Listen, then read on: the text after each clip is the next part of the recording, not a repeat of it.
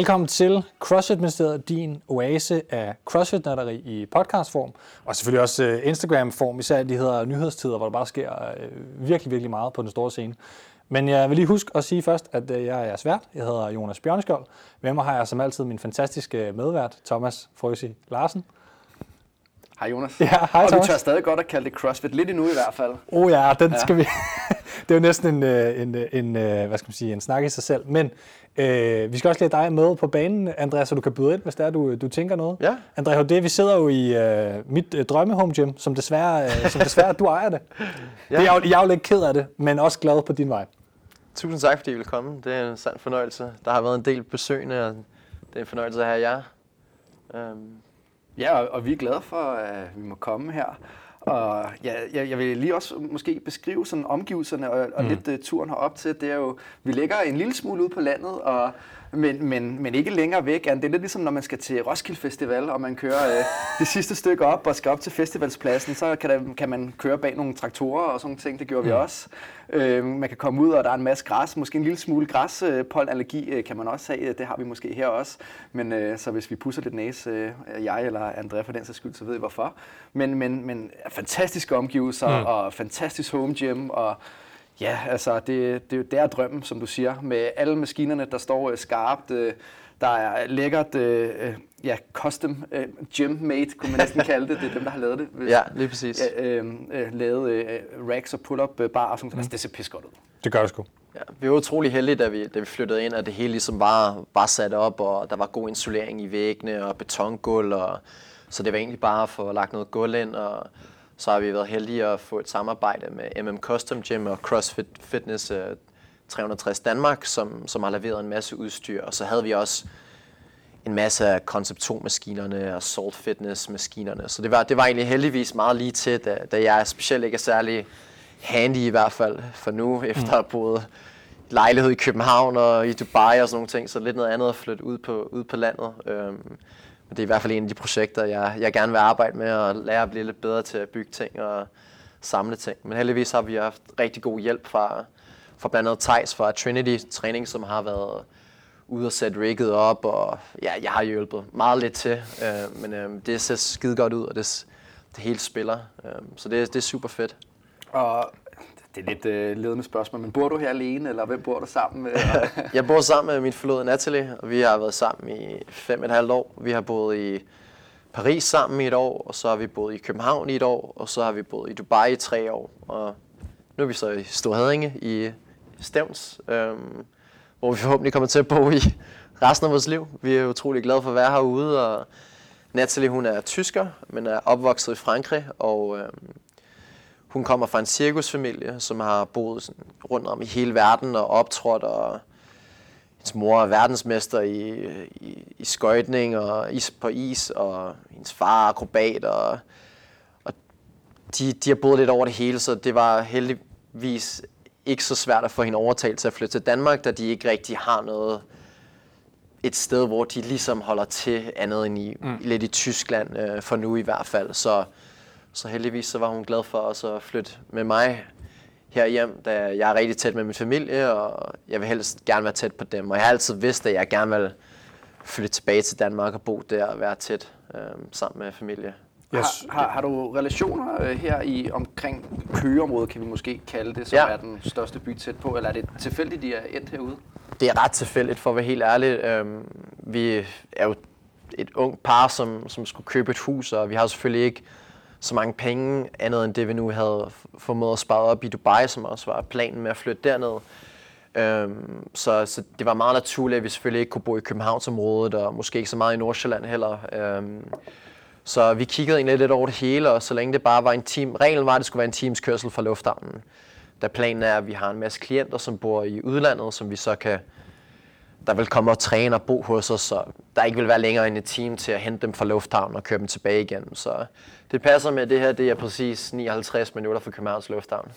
Så det, øh, vi kiggede lidt over det hele, og det, det var det hus, der, var, der passede bedst. Og vi arbejder hjemmefra og træner hjemmefra, så lokationen var ikke, var ikke utrolig vigtig, og det er også en teams, for, hvor mine forældre bor, så hvis vi nu skulle starte en familie en dag, ville det heller ikke være så utrolig langt væk fra dem, for at de kunne komme og, og hjælpe til, at vi kunne komme og se dem. Ja, og det er allerede muligt nu øh, for klienterne at sådan set overnat her og sådan ting, for der er jo super fine øh, muligheder med øh, overnatning, både i hems og eget værelse og øh, eget badeværelse, for den sags skyld gæstetoilet og sådan ting. Ja, altså.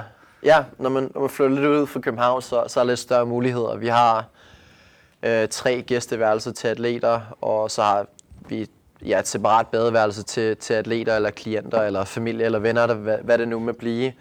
Um, så det er også en del af vores fremtid og nutid business øh, og forretningsplan er jo, at øh, de her individuelle klienter, som vi arbejder med online, de så kan komme og bo hos os og få en lidt mere en-til-en oplevelse, og vi kan bygge et tættere forhold med dem. Og det, jeg tror også, der er meget coaching, der sker uden for træning, hvor man ser, hvordan deres adfærd, adfærd er i forhold til, hvordan de spiser og opfører sig. Jeg tror, der er mange af de ting, der, der leder til, hvor dygtig man nu kan blive i, i forskellige sportsgrene, om man er crossfitter eller håndboldspiller, eller hvad man nu er. Mm. Øhm, og det er også ja, lidt planen, at vi forhåbentlig kan hjælpe dem lidt med det. Øhm, så. Hvad hedder det? At jeg kan lige få dig til ikke at flette fingre med mikrofon. Øh, ja, selvfølgelig.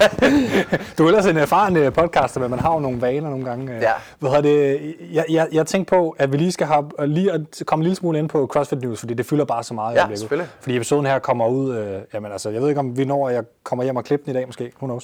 Men øh, jeg synes lige, at øh, i starten af episoden, hvor du, hvad, du skal næsten lige have lov til at sige, kan man købe dig som, øh, som coach, som det ligger lige nu? Kan man få lov til at komme her og få et træningsforløb?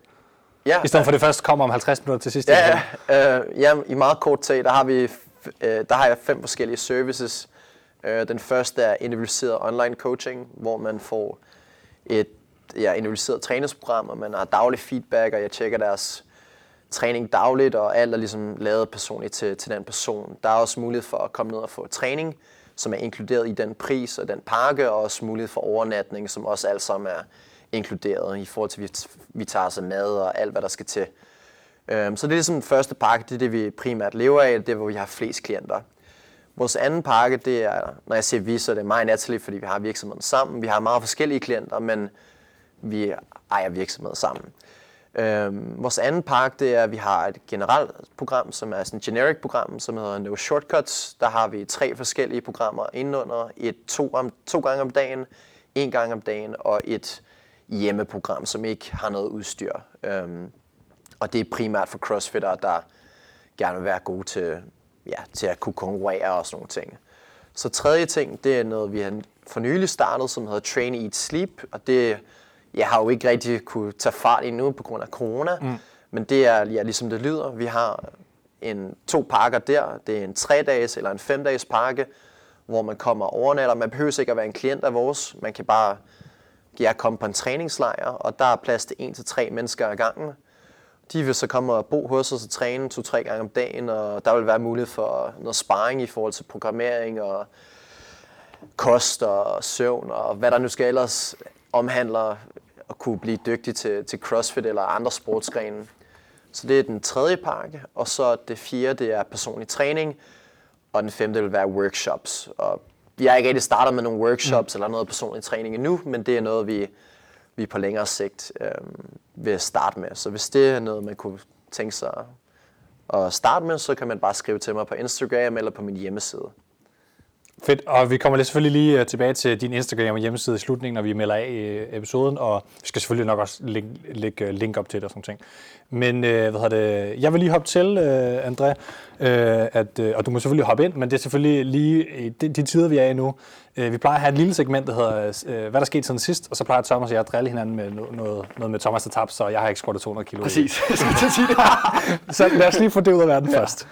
Øhm, men, men det, der er sket nu, der, der er sket rigtig meget i internationalt øh, CrossFit, kan man sige. Og, og, og bare, bare lige til at lægge ud med, som vi også har skrevet på Instagram, vi elsker CrossFit. Vi har ikke nogen aktie i, om noget skal være det ene eller det andet eller et eller andet øh, sted. Øh, vi har gang i det her forbundstankegang, hvor, hvor Thomas og jeg begge to er involveret i forhold til at få skabt noget, noget nationalt samarbejde. Og det er fordi, vi vil gerne skabe noget godt og fokusere på det, og ikke så meget på alt muligt med politik og negativitet og sådan ting. Så det er ikke fordi, vi tager en, en holdning til noget, men bare fordi, vi er egentlig bare glade for CrossFit. Og det er det, det her projekt handler om, kan man sige. Men øh, Thomas, øh, vil, du, vil du øh, fortælle lidt om, øh, hvad der er sket? Fordi det snakker vi lidt om i bilen på vej op. Ja, altså, øh, jeg vil ikke øh, lave sådan en, øh, et fyldesgørende referat, fordi der er rigtig mange andre steder, hvor man kan få øh, øh, det dybtegående, øh, den dybtegående historie og, og hele dramaet for den sags skyld. Øh, så derfor vil jeg også gerne reklamere for øh, Talking Elite øh, Fitness podcastet, som har lavet øh, nogle fremragende podcast for, øh, ja, man kan sige, at Tommy Marquez og Sean Rutland er selv øh, øh, en del af det her, i og med at de jo blev fyret i sin tid, øh, hele den her mediegruppe for CrossFit øh, øh, indgav, og, og, og de forklarer mange af de her episoder, hvad der er sket, men, men det, der ligesom blusser op, øh, starter to steder fra. Der er det her med Greg Glassman, og så er der nogle atleter, der har øh, dummet sig, kan man sige, ved at bruge øh, et ord, som øh, vi prøver at lade være med at bruge øh, i det her podcast også.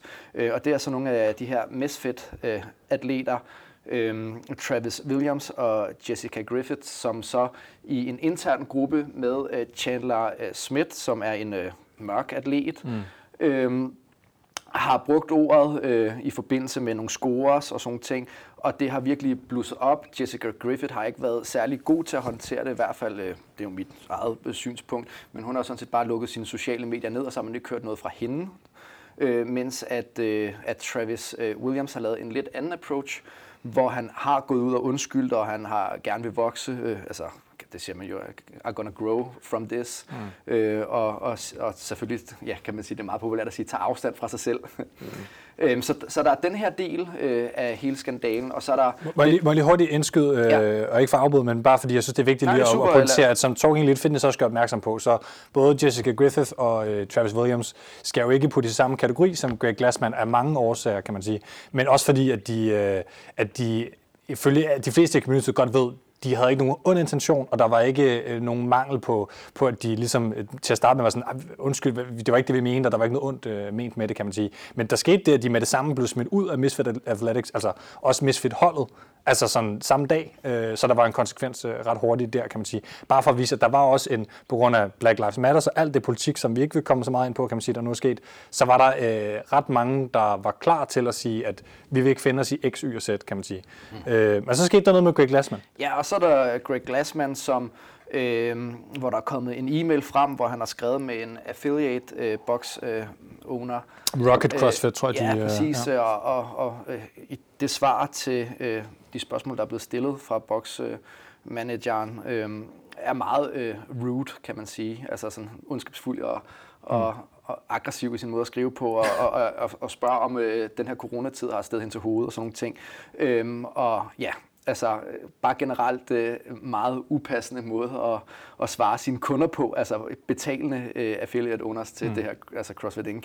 Øhm, og samtidig øh, i et tweet har gjort lidt grin med, med covid-19 og, og, og, skrevet Floyd-19 øh, i, også, øh, i, i en kontekst, hvor med Black Lives Matters øh, ved siden af øh, virkelig har eskaleret Øhm, og man kan sige, at mange af de her dårlige sider for Greg Glassman er kommet frem med lyset, som så er endt lidt med øh, også nu noget MeToo, en øh, sexistisk sag, kan man sige, mm-hmm. øh, øh, på podcastet. Nu skal du lige hjælpe mig, hvad han hedder. Uh, han hedder Andy Stumpf, og podcasten hedder Cleared uh, Hot, fordi han er tidligere, uh, jeg mener, soft operator, og det er derfor, at, det, at man er cleared til at, at, at skyde. Uh, men men, men det er også en podcast, der er værd at lytte igennem, hvor man for alvor kan høre nogle af de skeletter, som vælter ud af skabet uh, inde i CrossFit Inc., og man kan sige, at, at det har resulteret i, at flere atleter, især med Katrin Davidsdottir som øh, forgangskvinde øh, for det her, ja. øh, øh, øh står op imod og siger, at det her det er slut, vi mm. skal ikke have mere at gøre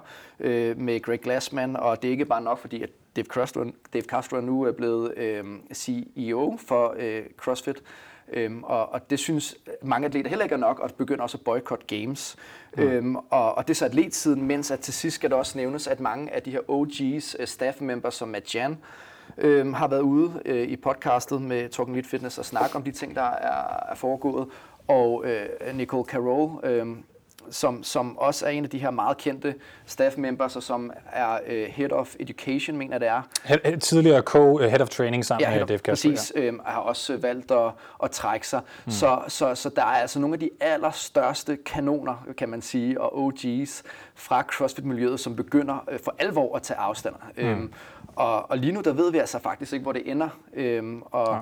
Og vi skal ikke gøre os kloge på det. Øh, her i Danmark er det fandme svært, altså synes jeg, fordi at vi forstår slet ikke, øh, hvor voldsom en bølge den her Black Lives Matters er, øh, og hvor alvorligt faktisk det bliver taget. Mm. Øh, så, så, så gå ind og følg øh, Tungen øh, Elite Fitness og Morning Chalk Up. Der er altså nogle rigtig, rigtig gode steder, hvor man kan få en større indsigt i, hvad der foregår. Jeg vil lige hurtigt tilføje, at der er også øh, over 200, eller hvad det, 1250 bokse, der er de affiliated.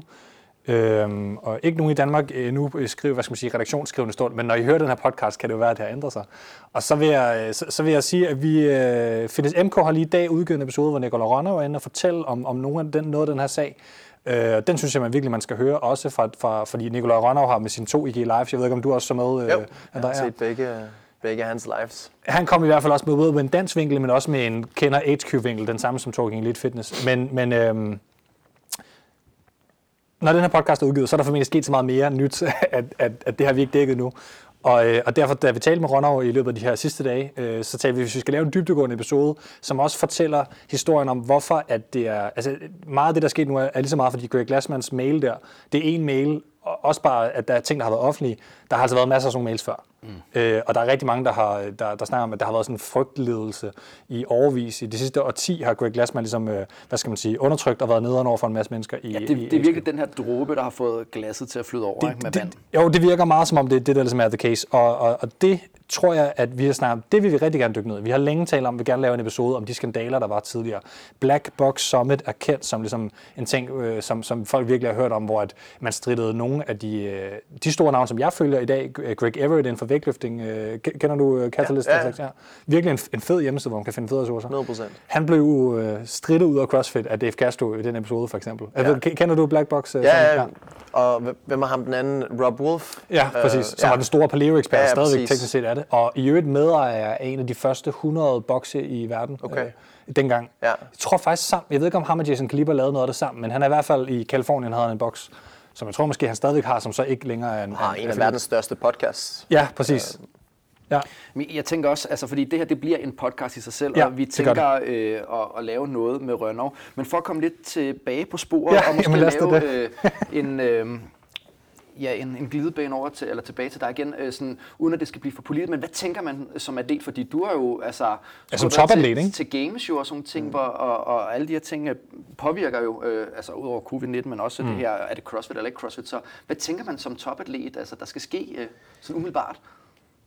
Jeg håber personligt på lidt et hostile takeover fra Matt O'Keefe, øh, og jeg håber, der er nogle andre, der, der kan steppe op, da jeg ikke rigtig ser, at der er nogle veje tilbage i forhold til den måde CrossFit, de ligesom med Greg Glassman og Dave Castro og den ledelse og alle de skandaler, vi hører, så jeg håber at måske, at vi kan, vi kan vokse for det her, at der er nogle andre, der kommer udefra og ligesom siger, nu, nu tager vi over. Og jeg, jeg kan ikke se, hvorfor det skulle være en stor udfordring heller. Øhm, altså hvis man har sådan en som Matt O'Keefe, som allerede har 4-5 sanctionals under sig, og mm. ja, manager for mange af top 10 atleterne og en masse andre ting, så vil det give super god mening, at, øh, at han ville kunne tage over og kunne stadig følge samme format i forhold til sanctionals og noget eller CrossFit Games eller verdensmesterskaberne. Øhm, så jeg håber lidt, at, at sporten kan vokse herfra. Og det, ja, jeg synes, sporten har ikke haft så meget stort fokus sidste par år, og ligesom gået lidt ned og bakke på grund af også Greg Glassman har været i den der CEO-position, og ikke har været så interesseret i at se sporten vokse, men mere fokuseret på CrossFit Health. Så jeg håber lidt fra, fra en atlet, eller fra, også måske fra en fans perspektiv, at, at der kan ske noget mere nu, og at sporten kan vokse og kan blive mere professionel, og flere sponsorer kan blive involveret, så, så de atleter, der træner hårdt, de kan muligvis leve af det en dag, og det kan blive en anerkendt sport. Mm. Øhm, så Har det gjort noget for motivationen for at træne? Altså hvor man tænker, oh, hvad træner jeg mod nu, eller træner du som hele tiden? det har ikke ændret noget som helst. Jeg, jeg ser det mere som en mulighed for, at der er garanteret nogen, der bliver demotiveret over det. Så, og som jeg ikke er en af topatleterne, så er mit mål at blive en af topatleterne. Så hvis der er nogen, der tager foden af pedalen bare et par måneder, eller bliver lidt usikker omkring fremtiden for sporten, så håber jeg, at hvis jeg trykker ekstra hårdt i de næste par måneder, og det har jeg også gjort de sidste par måneder, at, øh, at jeg forhåbentlig kan, kan hente noget og kan komme op med de, med de store navne på et tidspunkt. Øhm, så, så for mig har det egentlig bare været ekstra motiverende. Jeg håber, at øh, jeg er sikker på, at, at det nok skal, skal blive godt igen. Det er bare et spørgsmål om tid. Så hvis man er tålmodig nok til det, og der er så mange gode mennesker involveret, jeg er sikker på, at, øh, at det nok skal blive til, til noget stort en dag. Og når den dag kommer, så er jeg forhåbentlig klar. Ja, fordi man kan jo sige, at øh, CrossFit-verdenen har jo virkelig bevist, at, at altså, modsætning til mange andre sportsgrene, som måske har forsøgt at få stablet noget på benene og nye sportsgrene, der er der altså, der er altså tilskuer, der var fyldt til, øh, altså i, alle gamesene. Jeg, jeg har selv også øh, set det som tilskuer. Det var sgu svært at få billetter, fordi der blev udsolgt. Ja. Øh, altså øh, i Europa her, når vi har haft regionals og sådan ting, der var altså øh, de sidste år, øh, par år, der har altså ikke været muligt at købe billetter. Vi, vi, jeg kan huske, at vi dækkede det. Mm. Vores første år var det i øh, 17, mener det var, ikke? Eller nej, det var 18. Det var det sidste regionals, der var, i Berlin ja, i 18. I Berlin, ja. øhm, altså, der var jo flere, vi kendte, der, ikke havde, der havde købt rejsen til Berlin, men ikke havde fået øh, billetter øh, ja, til selve øh, regionals. Mm. Ja, så havde det kun så, til en enkelt dag måske, eller sådan Præcis, noget. Ja. så det er bare for at sige, altså tilskuerne er der, øh, opbakningen er der, atleterne, de er der, øh, sponsorerne er der jo faktisk også. Nike har vist stor interesse, og Red Bull øh, øh, sponsorerer jo eksempelvis Høgberg øh, på mm. en god aftale ja. der. Så, så man, opbakning er der. Vi mangler ja. ligesom bare nogen, der ligesom kan øh, styre skibet i den rigtige retning. Ikke? Ja, altså nogle kaptajner, der siger, det er det her, vi gør. Ikke? Og, og paradoxalt nok kan man sige, har sporten på en måde, den har været åbnet meget op, men der har godt nok også været meget rod og mangel på kommunikation de sidste mange år, kan man sige. Så et eller andet sted, synes jeg, jeg synes fandme, det er en, fed, den positive vinkel, som vi også prøver at anlægge her ja. i forhold til sådan, øh, det med forbundet. Altså, det er jo i virkeligheden en gyld mulighed nu for, at sporten faktisk kan bevæge sig i den retning, vi alle sammen i de sidste to år har været sådan lidt, skulle virkelig få lidt styr på, at der er noget ledelse, der giver mening her. Ja øh, som, som man som atlet kan, kan, og, kan tænke på. Og nogle gange skal man jo også ramme rock bottom, før det kan, det kan gå opad. Ikke? Og det er jo lidt det, der sker nu. Ja. Så herfra kan det jo nærmest kun gå fremad. Og jeg, jeg krydser fingre for, at uh, inden for de næste 4-5 dage, tror jeg virkelig, vi kommer til at finde ud af, hvad der kommer til at ske med sporten. Og det bliver virkelig spændende at følge med i. Vi, øh, vi vil i hvert fald... Øh, jeg skal lige huske at sige til folk derude, Matt O'Keefe, som, øh, som André lige nævnte, er jo, hvad hedder det, øh, så vi er, CEO, jeg ved ikke, hvor meget ejer han er af Loudon Live Sports, jeg ved ikke, om han er majoritetsejer, det muligvis. Men det er Loudon Live Sports, som også tit er blevet nævnt, som, som blandt andet har købt Waterpalooza her sidste år, efter det egentlig har været kørt som sådan en startup i rigtig ja. mange år. Øh, super spændende projekt, og de, han er også manager for alle de største atleter, må jeg Altså sådan top 3 på begge sider næsten. Ja.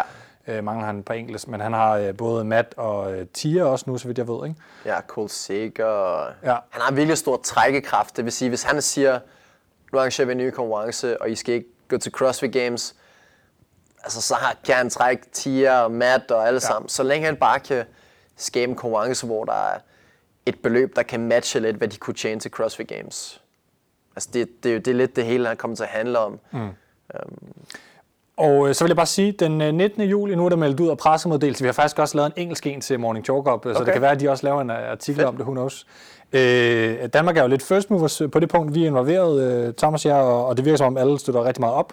Der er selvfølgelig nogen, der stiller kritiske spørgsmål, og det vil vi rigtig gerne svare på. I kan bare, bare skrive, hvis det er til os. Man kan sige, nu er det ikke mig eller Thomas eller nogen andre, der bestemmer noget som helst. Det er det er det, der er lidt pointen, er, at den 19. juli til den her generalforsamling, så er det dem, der møder op, der stemmer på, på nogle mennesker, som skal tage nogle beslutninger, men også blive enige om, hvad der skal ske. Der kommer selvfølgelig nogle oplæg, og, og vi håber, at det næste måned, der kommer til at være lidt en diskussion også. Øh, derfor er de der spørgsmål rigtig gode sådan, idéer, og øh, forhåbentlig kommer der også alle boksene, ligesom skal have en snak med hinanden et eller andet sted ja. om, om det projekt og sådan noget. Men i hvert fald så er det det, der sker på den danske side. Internationalt, så, så virker det som om, at der også er andre lande, der tager det samme initiativ, og måske er det det, det ender med i CrossFit. Der er jo snak om, at det er i den retning, man skal have lidt mere, øh, alle boksene skal ligesom eje CrossFit, er der nogen, der snakker om og sådan noget. Ikke? Så who knows, det kan være, at det ender med, at hele verden ender med at være et CrossFit-forbund mere end, et, end et, det her lidt sådan underlige business-agtige øh, ja. sportsmiljø. Men jeg tror, det er det for, for de store linjer, for det skal handle meget om dig igen, André. Ja, fordi man, nu nævnte du, at, at du er på steppet, kan man sige, til at mm. være lige under de bedste, og det er det, du træner i, imod. Øh, men vi skal måske lidt tilbage til, hvor sådan det lidt startede. Altså, øh, har du altid lavet CrossFit? Hvornår startede du med CrossFit? Hvad lavede du før CrossFit? Så der er lidt spørgsmål, du kan ja, jeg, tage udgangspunkt i der. altså altid siden jeg har været barn, har jeg altid drømt om at være eliteatlet. jeg har aldrig vidst rigtig, hvad for en sport det skulle være i.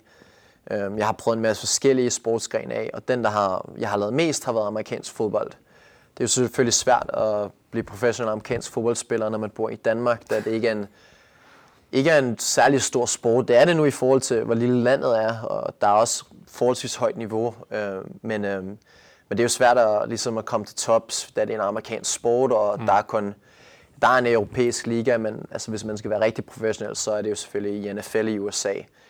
Øhm, har, har du spillet, altså Philip Parkett kender vi jo fra CrossFit-miljøet, som, ja. som har spillet øh, Ja, Philip Parkett og Frederik Gidius, de spillede i samme klub som, eller jeg spillede i samme klub som de gjorde. Towers. Øh, ja, i Copenhagen ja. Towers. Øh, og det er blandt andet også den måde, jeg, jeg mødte CrossFit nærmest for første gang sådan rigtigt. Øh, da Frederik Gidius, som er ja, Danmarks bedste crossfitter og fem gange CrossFit Games atlet, øh, selvfølgelig var en stor inspiration og og hjalp amerikansk fodboldholdet med deres off-season strength and conditioning, øhm, som vi lavede ude i Butchers Garage øh, i, i gamle dage. Øhm, det var ude i 2014, og der var jeg lige flyttet op på seniorholdet efter at have spillet amerikansk fodbold i ja, otte sæsoner, så i otte år, hvor jeg blandt andet også har boet i USA, og hvor jeg havde jagtet den her NFL-drøm, øhm, som selvfølgelig var et long shot, men jeg har altid troet, at, at, at det, det skulle nok gå, hvis, hvis jeg bare blev ved.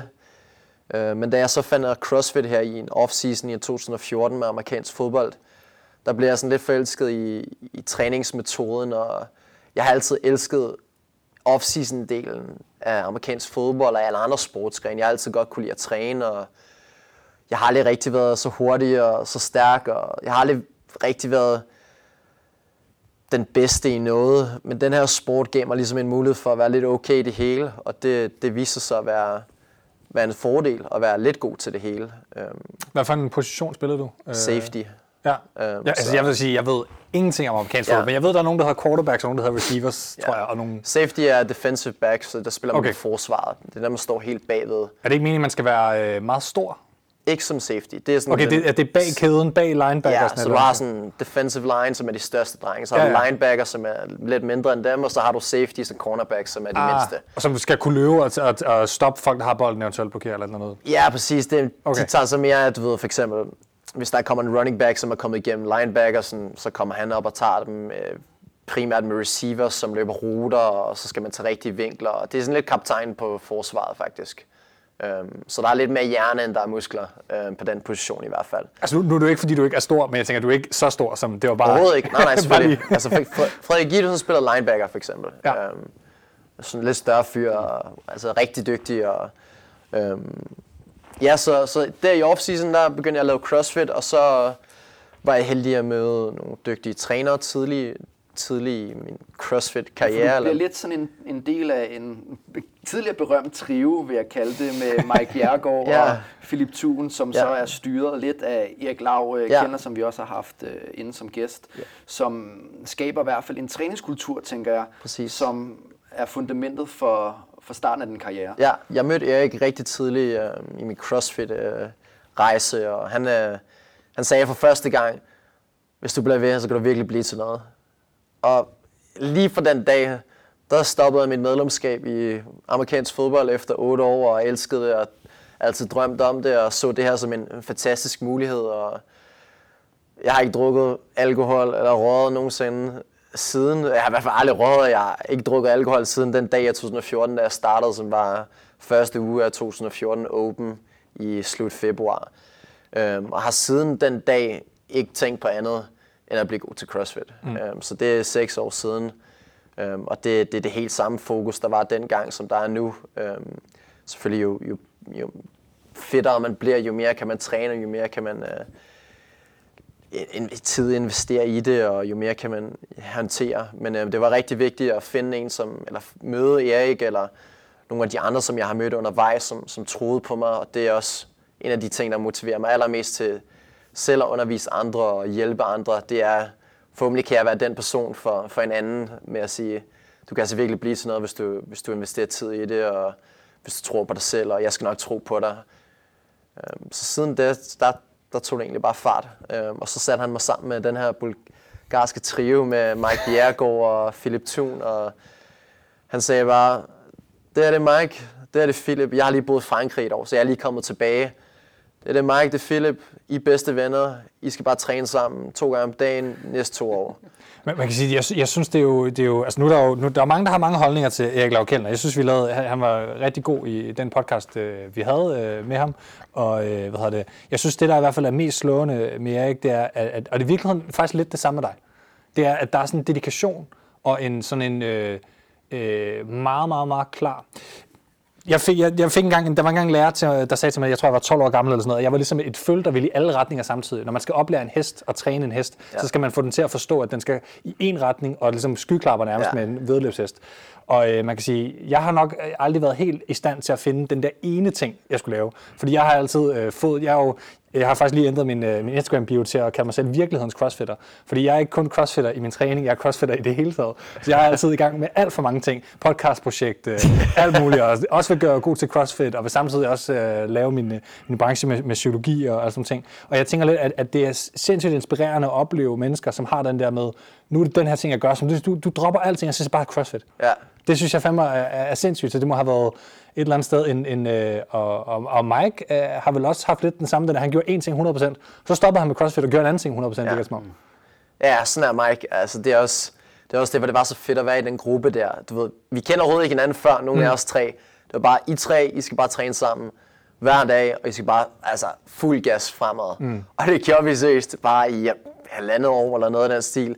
Altså, der var no days off. Og det... Jamen, jeg, vil, jeg vil også sige, altså, hvis man lige skal prøve at tage et skridt væk og kigge på, hvad det så er endt med mm-hmm. for jer, det var jo, at I alle sammen kom til det, der var målet, i hvert fald første omgang, ja. til regionals. 100%. Og konkurrerede individuelt. Altså sådan, øh, og, og det må man jo bare anerkende, at, at det er bare mega imponerende, at, at, at med den mentalitet og mm. den træningsiv og sådan ting, så kommer man altså langt, men man er også nødt til ja, at give afkald på en hel del ting. Ja. Og, øh, altså, og jeg tænker også, nogle gange har det måske været lige lovligt hårdt at træne øh, på den måde, øh, eller, eller hvordan har det været? Ja, men når man er i en gruppe, så er det bare lidt noget andet. Det, det vil være meget svært at gøre det individuelt, specielt lige i starten, ja. øhm, i, i de unge dage der i 2015, hvor det var, fordi det var året, hvor man er blevet færdig med gymnasiet, og man har taget et sabbatår. Jeg har været i Paris, og de andre har lavet noget andet, og man skulle ligesom beslutte sig for, okay, altså, skal vi fortsætte med, altså, er det alt eller intet, eller skal vi søge ind på studie, eller, altså, alle søger ind på studie, og mange i, i boksen var sådan, altså, drenge, prøv at høre, altså, der er også andre ting i livet, og, mm. men da vi havde hinanden, og det, vi kiggede bare hinanden i øjnene, og var bare sådan, det her, det, det er fokus, altså, det, vi skal ikke fortryde noget, vi giver den fuld gas, så fordi vi havde hinanden, så var, så var det egentlig bare, så var der bare ikke så meget andet. Det, det, det, det er meget ikke klassisk dansk. Altså det er virkelig det, som måske mangler lidt i den danske øh, træningskultur et eller andet sted, kan man sige. Hvor i USA for eksempel, der er det meget mere normalt med sådan noget, fordi der har man altså en coach i din high school, som ser de, øh, de talenter, der nogle gange er, som smider dig videre til det næste ja. niveau. For eksempel i fodbold, kan man sige. Og du har altså lært at bænke 100 kilo, før du, øh, før du er i nærheden af at skulle øh, nogle steder. Ikke? Og jeg, jeg, synes et eller andet sted, det er, det er jo det, man ser faktisk i nogle af de steder, de CrossFit Mech her, der findes rundt omkring i verden.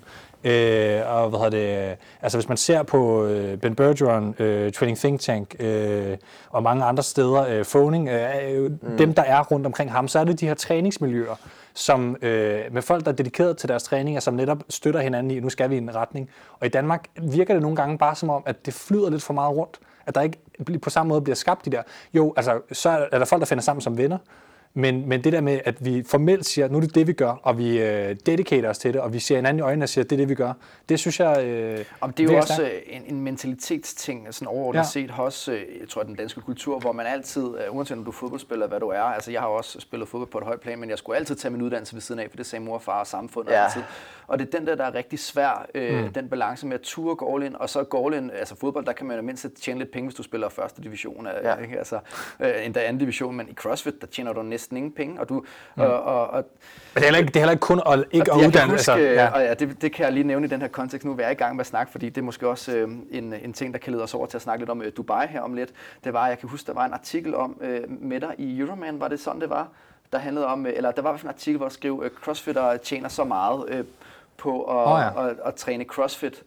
Øhm, men, jeg, men det, der slog mig, da jeg læste artiklen, så det var jo, at du tjener jo ikke reelt set penge på at være atlet i CrossFit. Du tjener jo rigtig fine penge på at være coach og være, øh, øh, hvad hedder det, øh, lave personlig træning og sådan ting. Ret mig, hvis det er ja. forkert. Ja, det, øhm, det, og, og det var bare meget sjovt, hvordan at artiklen lagde op til, at du tjente penge på på at være øh, øh, atlet. Øh, Man tjener lidt penge indirekte, kan man sige. Altså, det, det skaffer en Ja, penge, ikke? Altså, ved Ja, eller- eller man er virkelig dygtig til noget, så, mm. så selvom det måske ikke har noget med at være god træner at gøre, så er det alligevel, at folk de, de er interesseret i det, man nu kan. Det er brandet, altså Ja. man opbygger et personligt brand, Præcis. kan man sige. Nu taler vi både om, om hvad hedder det, altså der er også sponsorater og Ja. penge, man ikke bruger, kan man sige også. Altså for, for vores vedkommende for eksempel, jeg, jeg bruger ikke penge på proteinpulver længere på grund af Bodylab for eksempel. Altså det er jo også en fed ting at have et eller andet sted i sit liv. Så penge, man har sparet, er også penge, man har tjent. Men, men, men jeg, jeg, vil- jeg vil bare lige også tænke, at man kan sige, det er jo også Thomas, jeg har faktisk haft en diskussion mange gange i forhold til øh, det der med, at det næsten i Danmark kan virke sådan lidt... Øh, hvis, hvis Matt Fraser boede i Danmark, så var han sgu ikke blevet Matt Fraser. Det tror jeg sgu ikke på, fordi at hvis han havde sagt det der, nu går jeg ned i min kælder og træner, og jeg gør det, de andre ikke vil gøre i dag, for i morgen at kunne gøre det, de andre ikke... Øh, øh, ja, hvordan går den der seng nu? Nu oversætter Ja, ja, ikke? øh, men, men, men Matt Fraser er bare heldigvis i USA. Og der er det bare, der kan, hvis man siger sådan noget, så siger folk, ah fedt. Det er ikke kun det med uddannelse eller ikke uddannelse, fordi der er Danmark meget specielt med det der med, at sport er ikke rigtig en, en, en legitim næsten ting, man kan gøre, ved mindre det er fodbold. Eller tennis måske med Wozniacki og sådan noget. Ja. Men også mere den der med, at det der med at sige, jeg vil være den bedste, og jeg gør det bare nede i kælderen, og i morgen så kommer jeg og smadrer jer alle sammen. Det er ligesom bare ikke rigtig, det er ikke, det er ikke, det er ikke, så, det er ikke så dansk på en Nej.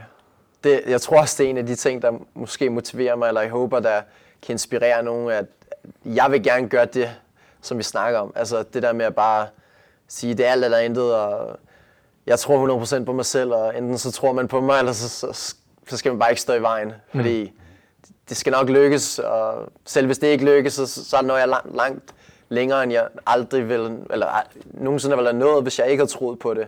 Ja, altså hvis du ikke selv tror på det, hvem Ja. skulle så tro på dig? Ikke? Præcis. Altså, Altså. Hvis mine forældre i starten, de, de kunne heller ikke rigtig forstå det. Øh, jeg har altid været sådan virkelig dygtig i skolen, og jeg, skolen har altid været ligesom en sport for mig. Altså, hvis jeg ikke var den bedste, altså 12-tallet i førstepladsen, og 10-tallet i andenpladsen, og 7-tallet i tredjepladsen. Mm. Og vi sammen kom på førstepladser. Um, og jeg kom ud med et, et rigtig flot snit i gymnasiet, og altså virkelig arbejdet hårdt i, i gymnasiet og i folkeskolen, altså altid. Det har aldrig været non-stop, altså jeg har aldrig misset lektier, jeg har altid haft bøger, og altid siddet på første række. øhm, Og det er helt omvendt med og så lige pludselig, så, så starter jeg med CrossFit, og så siger jeg bare, okay, alle de der planer med CBS og alle de der, de, de rører bare ud. Jeg, det skal jeg ikke lave. Jeg, jeg vil lave noget, der, der gør en forskel, og jeg vil gerne jagte mine drømme. Jeg, der er noget, der slår mig. Det, det, og det er næsten, faktisk næsten et personligt spørgsmål. Jeg, øh, jeg havde den samme oplevelse i skolen, altså i nu, folkeskolen, og kom ja. Også ud med, altså nu var det så 13-taller dengang, jeg ved ikke, om det var 13-taller eller det gik i skole. Øh, folkeskolen var det, tror jeg. Ja, okay. Jamen, jeg, jeg kom også ud med, altså vidderligt næsten kun 13-taller på min eksamensbevis dengang, ja. Og, og, og kom også igennem med, med, med et rigtig fint snit fra, øh, nu gik jeg på HF specifikt, for jeg ikke gad have årskarakter, og det var der en grund til. Det var fordi, jeg behøvede ikke lave lektier. Jeg behøvede ikke sidde op foran, fordi jeg kom så let til det. Jeg skulle bare snakke eller skrive noget, så Ja. blev det bare øh, topkarakter. Og det gjorde, at jeg lærte ikke at arbejde for tingene. Okay. Det lærte jeg først, da jeg kom i forsvaret. Det er en af grundene til, at jeg, jeg tror, jeg er så tegnet af, nu er jeg stadigvæk i forsvaret, officer i herren, har været det i 8 år snart, eller hvad, hvad fanden det nu er. Men, men, men en af de ting, som forsvaret lærte mig, en lektie, som jeg vil ønske, alle mennesker fik, det var den der med at lære at arbejde for tingene. Hvor man skulle lave sin lektier. Fordi høre, jeg lavede heller ikke min lektier på officerskolen, og det gik lidt galt for mig på officerskolen. Ja. For der endte jeg med for første gang nogensinde at blive straffet for ikke at... For det lægger man bare mærke til forsvaret på en anden måde. Ja, ja. Og jeg, vil bare spørge dig om ting. Lærte du at arbejde for tingene i folkeskolen, eller kom du også for let til det? Fordi det lyder som om, du måske lærte arbejde Nej, nej, jeg, jeg har altid arbejdet for tingene, men Ja. ja. det er også fordi, så min far han kommer fra ingenting, Ja. og han er den hårdeste arbejder, jeg kender. Øhm, han, er, han har haft sin egen Michelin-restaurant sammen med min mor, som var opkaldt efter min bror. Det er din far, der er fransk, ikke? Ja. Ja. Øhm, som er opkaldt efter min bror og jeg. Øhm, og han er, han er mesterlærer for René Redzepi, som ejer Noma. Øh, og René, han ser stadig min far som, som hans største mentor nogensinde. Og min far, altså, droppede ud af skolen som 14-årig og bliver kok og har arbejdet 80 timer om ugen lige siden. Øhm, nu arbejder han en lille smule mindre, men, men har altid bare arbejdet virkelig hårdt, og hans anerkendelse har altid været noget, jeg vil, jeg vil altså, dø for nærmest. Øhm, så forældre, mine forældre ville aldrig spørge mig, om jeg havde lavet lektier, eller jeg skulle til træning, eller om jeg ikke lige kunne være lidt bedre til det her, eller lidt bedre til det her, for jeg vidste bare, at jeg ville gøre alt for at blive anerkendt af min far. Så hvis jeg kunne komme hjem efter et år med gode karakterer, og han ville kigge mig igennem og sige godt arbejde, så var det 100% det værd. Så jeg, tror, jeg kommer fra en familie, der er alle sammen entreprenører, og alle Ja. sammen arbejder sig selv op, og øhm, som er virkelig dygtige og til Ja. det, de laver, og altid, altså altid arbejder sig frem til deres ting. Så jeg tror, det er meget naturligt. Og så, ja, ja, min søster, hun er siddet i kørestol og er født med muskelsvind. Øhm, og har sindssygt meget at gå på mod og ved at udgive en bog og lige blevet færdig med sin bachelor på psykologi og er total first mover inden for, altså med den sygdom, hun har, altså at kunne bo for sig selv og altså hun er utrolig sej, og jeg tror bare, det er sådan en familie, sådan en familieting. Altså, Ja. alle bare killers i familien. Altså, Altså, altså, tage arbejdshandskerne på. sådan, alle, alle, der kender som vores familie, de ved bare, Ja. hvis man er en hud det, og man siger, man vil noget, så ved alle bare, det der skal nok ske. Så det er også der, altså lige i starten var det svært for min familie at forstå det der med, at jeg gerne vil være virkelig god til CrossFit, men de kendte fra amerikansk fodbold. De vidste bare, altså enten så støtter vi det, ellers så bliver vi bare ikke kastet ud af døren, men Ja. altså, han har brug for vores støtte, og vi skal nok give det, og hvis han siger, han vil noget, så får han det. Og det, det har det bare altid været i familien. Altså, vi, vi arbejder så tingene, og det er igennem flere generationer, og det er mm. begge sider af familien, og der, der er bare ikke noget der. Um, Jeg tænker, det lyder også som om, at, at, at du har en stor tilknytning til en familie, eller mm. det har du Ja, ja, tydeligvis. Men hvordan var det så, når du, øh, fordi vi skal også snakke om, om Dubai, Ja. altså øh, hvordan opstod det, hvordan har, var det at rejse så, lad os sige, altså var, var det øh, et vildt skridt at komme så langt væk fra familien lige pludselig? ja, det var ret svært, øh, men, øh, men det var også sådan i 2015, der døde min bror i en ulykke, min storebror, øh, som selvfølgelig ja, smadrede vores familie fuldstændig, altså, og var altså, ja, utrolig svært for, for os, og, men det minder mig også virkelig om, at man, man skal gøre det, man brænder for, og man, man skal virkelig udleve sine drømme, og livet, det, det, det skulle for kort til at give 50 procent. Altså, man giver 100 procent, eller så, så, så tager man det helt for givet. Og så var der den her mulighed med Dubai, som jeg ville blive tilbudt. Og på det her tidspunkt, der arbejder jeg i CrossFit Copenhagen, øh, og træner med drengene hver dag, og jeg elsker at undervise lige så meget, som jeg elsker at træne, og jeg elsker at hjælpe folk med at opnå deres mål i, i træning. Og, og, det handlede lige så meget om for mig, som at være dygtig til, til at lave CrossFit. Men i Danmark var der lidt den her mentalitet, og jeg ved ikke, om det er stadig er her, men at når man er træner, det er ligesom, Det er studiejob. det er sådan en studiejob. Ja, og jamen, det er det lige så 100% snart jeg fortalte mine forældres roligt, det venner, synes mine forældre også stadigvæk, at jeg, jeg, jeg laver studiejob, selvom jeg er uddannet. Og det, det synes jeg var så svært at forstå, fordi jeg havde boet i Paris, hvor jeg mødte Natalie, min forlovede, og hun, altså, alle dem, der arbejdede der, det, altså, hvis man er træner, det var, sgu, det var virkelig flot job. Ja. Altså, der var mange, der stoppede med at være advokater for at prøve at blive træner, og det var sådan en virkelig anerkendt job, og det, Men, det synes men jeg må også... lige høre, hvad tjener man i Paris? Fordi der, jeg tror måske, der er en sammenhæng mellem, at fitness er så billig i Danmark, og derfor er, er trænerne også billige, eller hvad? Ja, man, ja, man, Det er bare man en tjener en smule mere. Altså, det, Ja. ja. det er mere velbetalt arbejde, men, men det er også mere bare, det er et anerkendt arbejde på trods af løn måske ikke Klart. så stort, fordi det er et job, hvor man kan hjælpe andre. Altså, det er et ja. meningsfuldt arbejde, og, og jeg tror i sidste ende, folk, der har arbejdet på kontorer, og måske føler, at de er lidt i et dead-end job, og ikke, der, er ikke sådan, der er ikke noget passion i deres arbejde. De ser meget op til trænere, og jeg synes, i Danmark var det sådan, i hvert fald følger for mig, at øh, at alle omkring mig, de, de så så meget ned på det, og jeg kunne slet ikke forstå det, for jeg tænkte, det er da det, det er da et sygt fedt job, og sådan, André, hvad skal du lave, når du er 40? Det er sjovt, Øh, øh, fordi at... alle øh, spørger mig om de her ting. Vi har jo også Q&A, Ja. og der har vi jo, og det kan vi lige så godt tage øh, Ja. nu, når Ja. vi er i gang i samtalen, Ja. og spørger sådan, "Nå, men hvad skal du så lave, når du er 40 om 10 år, når du, lad os Ja. sige, har peaked som atlet. Det, nu piker man måske, tænker jeg, lidt senere som atlet øh, i CrossFit, så frem man kan holde sig øh, øh, væk fra skader. Ja. Øh, men det er også igen en anden øh, podcast nærmest i sig selv. Ja. Så, men ja, hvad, hvad tænker du om det? Altså sådan, Jeg synes altid, det var sådan et sjovt spørgsmål, for jeg kunne aldrig rigtig forstå det. Sådan, hvad skal du lave, når du er 40? Mm, Skal være træner, altså, ligesom jeg er nu. Jamen, altså, det, hvad skal du arbejde deroppe og sådan noget? Mm. Jeg tror ikke, jeg forstår, hvad jeg laver. Men, altså. men, men, det, men det er totalt... Jeg, jeg vil faktisk navngive det nu og kalde det Matt Fraser-effekten, fordi det er effekten af at sige... Øh, altså, Matt Fraser, han havde ligesom heller ikke... Øh, var han så uddannet ingeniør, men stadigvæk... Altså, han siger, jeg vil være den bedste, og du ved, øh, second place, det Ja. er first loser og sådan ting. Øh, og, på, og mange danskere, tror jeg, hvis de ser det, og han, og han ikke vander, Ja. så vil de tænke, at det er plat sagt. Men hvis han vinder, så er det okay. Ja, ja. Der, er, der er sådan et underligt, sådan, du ved, at det er outcomet frem for intentionen, der bliver bedømt. Ja. Det er sådan generelt et bias, i, når man skal bedømme beslutninger, kan man så sige, hvis man arbejder med noget, noget, hvad det, noget, noget kognitiv psykologi og sådan ting. Men, men det virker som om, at tror jeg, amerikanere, de kigger på det der og siger, det er fandme at gå på mod. Ja. Vinder og taber, det er det samme. Det er ligesom inter- for entreprenører og iværksættere.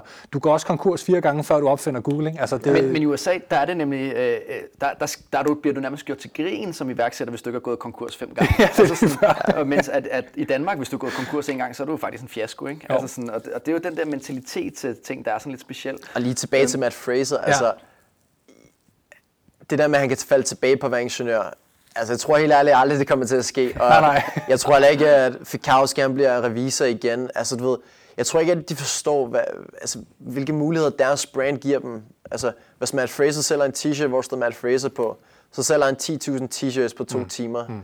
Altså, der snakker vi om at lave en halv million dollars, ikke? Altså, bare på to timer. 100 procent. Altså, når, når Marcus han siger, nu sælger jeg functional bodybuilding, og 500 programmer bliver solgt hver tredje måned, ikke? For 200 dollars. Altså, vi snakker altså, vi snakker om folk, der har generaliseret programmering som JST eller Prepared eller The Training Plan, som ruller 200.000 ind om måneden.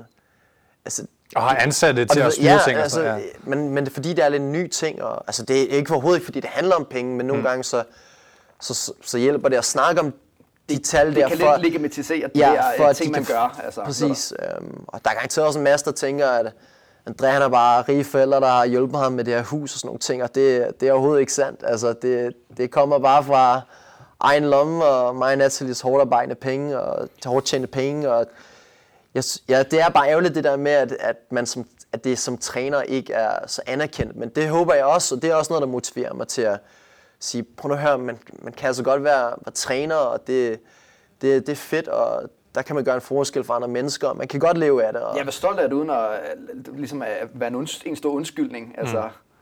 Jeg kan også tænke mig at spørge, sådan, øh, fordi det, det er også det her med uddannelsesperspektiv, det er jo sådan meget dansk, øh, har vi også været lidt inde på, man skal have en uddannelse. Ja. Ved at tage til Dubai, var det også sådan lidt en beslutning om, så går vi efter det, og så må vi se, om jeg skal uddannes, eller så fuck uddannelse i første omgang, eller hvordan? Ja, altså, da jeg besluttede mig for at tage til Dubai, der var det, da jeg besluttede mig, at jeg havde lavet en femårsplan, hvor at drømmen var, jeg kunne blive professionel crossfitter. Du har lavet, jeg synes bare, det er så fedt. Lad, lige, lige, altså, du har lavet en femårsplan for din udvikling. Prøv, der, er jo, der er jo mange næsten professionelle atleter, som næsten engang får gjort sådan noget. Jeg elsker bare, altså det er jo, det er jo så meget mig. Det er, jo, det er jo, altså, jeg synes, det er så fedt. Også, nu talte vi også om det, da jeg interviewede dig til Butchers Classics. Mm. Det der med, at du er bare lidt anderledes end så mange andre crossfitter derude i forhold til, hvor, hvor struktureret og sådan, hvor meget playbook-agtigt du har. Jeg, ja. ved, jeg, bare, jeg ved godt, det er lige en afbrydelse, men har du taget det med fra amerikansk fodbold, når man det, snakker med... Det tror jeg. Altså, det, folk de tror bare, at amerikansk fodbold løber ind i hinanden. Altså, ja. de forstår slet ikke, hvor mange timer man, man sidder og studerer playbooks, og mm. man skal kunne flere hundrede spillere, hvis man er quarterback eller safety. Når man ligesom er kaptajn på hver side, så skal man også kunne, hvad alle de andre spillere laver på alle spillene. Altså, det, det, det er mere skak, ja, hvor med mennesker nærmest. Altså, ikke? Ja. Øhm, og, men, undskyld afbrydelsen, det var bare, jeg synes, jeg synes ja, det er så vildt. Tilbage altså. til femårsplanen. Ja. Men, men, det har altid været sådan med planer. Jeg har altid elsket at lave planer, og det er også en af de første spørgsmål, jeg møder. Jeg siger, spørger nogen, når jeg møder dem, altså, specielt hvis nogen, jeg rigtig godt kan lide, og jeg godt kunne se et venskab. Altså, det, jeg synes altid, det er vigtigt for mig at, at vide, hvor folk gerne vil hen, eller, og det er slet ikke fordi, at femårsplanen ikke kan ændre sig undervejs. Øhm, det, det er overhovedet ikke noget med det at gøre. Men hvis, for mig, der kan jeg bare lige jeg tror, at den her følelse, at man er, følelse, at man er glad og man er lykkelig, den kommer af, når man har arbejdet for noget, og man når derhen. Øhm, det er ligesom den følelse, man får. Hvis man ikke har planlagt, hvor man vil hen, så selvom hvis man når helt vildt fantastisk sted hen, men hvis man bare lige pludselig er endt der, så kan man måske ikke værdsætte den rejse, det har, det har taget at komme derhen. Og mm. det, jeg tror for, for mig, der vidste jeg godt, at hvis jeg ikke skulle læse, som var planen øhm, originalt, så var jeg nødt til at lave en skarp plan. Mm. Fordi så vil det Dubai, den Dubai-tur, det var mit bachelor. Så jeg var nødt til ligesom at finde ud af, okay, hvad, hvordan skal mit liv se ud de næste 20 år måske? Altså, hvad er visionen for det hele? Og så er det helt fint, hvis det ændrer sig, men der var ligesom nødt til at være en grundplan. Og så jeg kunne overbevise mig selv om, at nu tager jeg sådan lidt leap of faith. Jeg har aldrig nogensinde været i Mellemøsten i hele mit liv. Og nu flytter jeg lige til one way ticket, og jeg ved ikke, hvornår jeg kommer tilbage. Øhm, så det, en af de ting på femårsplanen, det var at kunne flytte tilbage til Danmark, så jeg kunne være tæt på min familie, kunne købe min eget hus, starte min egen familie, have min egen gym, enten i mit eget hus eller et andet sted, hvor jeg selv kunne undervise folk og fortsætte med at udleve min, øh, min CrossFit-drøm. For jeg fandt hurtigt ud af, at hvis man skal være virkelig god til CrossFit, så tager det virkelig mange år, ligesom tager any sportsgrene. Men specielt i CrossFit føler jeg, for der er så mange ting, man skal udvikle, og det tager bare lang tid at blive virkelig god til, til det hele. Så jeg vidste godt, at det, det var en langsigtet plan, og jeg piker måske først, når jeg er i 30'erne. Altså, det ved man slet ikke. Øhm, så, så i forhold til Dubai, der var den første motivation var, at jeg kunne arbejde et sted, hvor der var virkelig anerkendt at være træner. Jeg var på en måde lidt blevet headhunted, eller fået en mulighed for at arbejde i den her virkelig succesfulde CrossFit gym i Dubai øh, med et staff af gamesatleter. Ja, fordi det skal sige sådan, at vi har også øh, allerførste podcast, vi nogensinde lavede, det var jo med Nikolaj Mainz. Han var jo i CrossFit Alley Off, tror jeg det hed. Nej, han var i CrossFit CrossFit, Hour. Sand Warriors. Ja, CrossFit Hour eller CrossFit Sand Warriors. Han Okay, har jeg er ret sikker på Aura. Okay, Ja, okay. men, men det, der er nemlig meget forskel på, hvor man er. Ja, Øhm, det er faktisk ikke engang i Dubai, der hvor han var. Nej, præcis. Det var sådan et par timer ude for byen, kan ja. Jeg også huske, og sådan ting. Så, så det er vigtigt at sige, at du får mulighed nemlig for at være et sted, hvor du har gamesatleter, Ja. øh, og hvor øh, det er et high-end øh, CrossFit gym, kan man kalde Ja, det. Ikke? super fedt CrossFit gyms, og de andre trænere var også gamesatleter, og det var også bare en sindssygt fed mulighed for, at jeg kunne spare nogle penge op til at... Ja, så du ved, hvis man ikke får en uddannelse, så, så må man også finde nogle andre måder, og du mm. ved, det kunne også være, at jeg ville bruge de penge til at investere i en forretning, eller hvad det nu end vil være, noget real estate, eller noget i den stil. Øhm, men jeg havde en mulighed for at træne med topatleter, spare nogle penge sammen, få en masse øhm, ja, inspiration for, hvordan man kunne køre en gym, og ham, der nu havde den gym der, han lærte mig en hel masse fra business-siden og marketing-siden, og byggede et rigtig godt netværk internationalt, og så var Dubai også bare en super god træningslokation. Vi endte med at være der i tre år, og Hvad for nogle atleter træner med, så folk kan... Sådan, øh, Phil Heskett fra England, som har boet der i et par år før mig, og han har været til CrossFit Games, og Mia Heskett, som var mm. Mia Okerlund, de blev så gift, og altså, mødte hinanden i Innerfight, hvor, hvor jeg arbejdede. Som også Phil er ikke så, øh, sådan, så kendt længere blandt alle folk derude, som, som Mia er ligesom stadigvæk på konkurrencescenen på et højt niveau individuelt, kan man Ja. sige.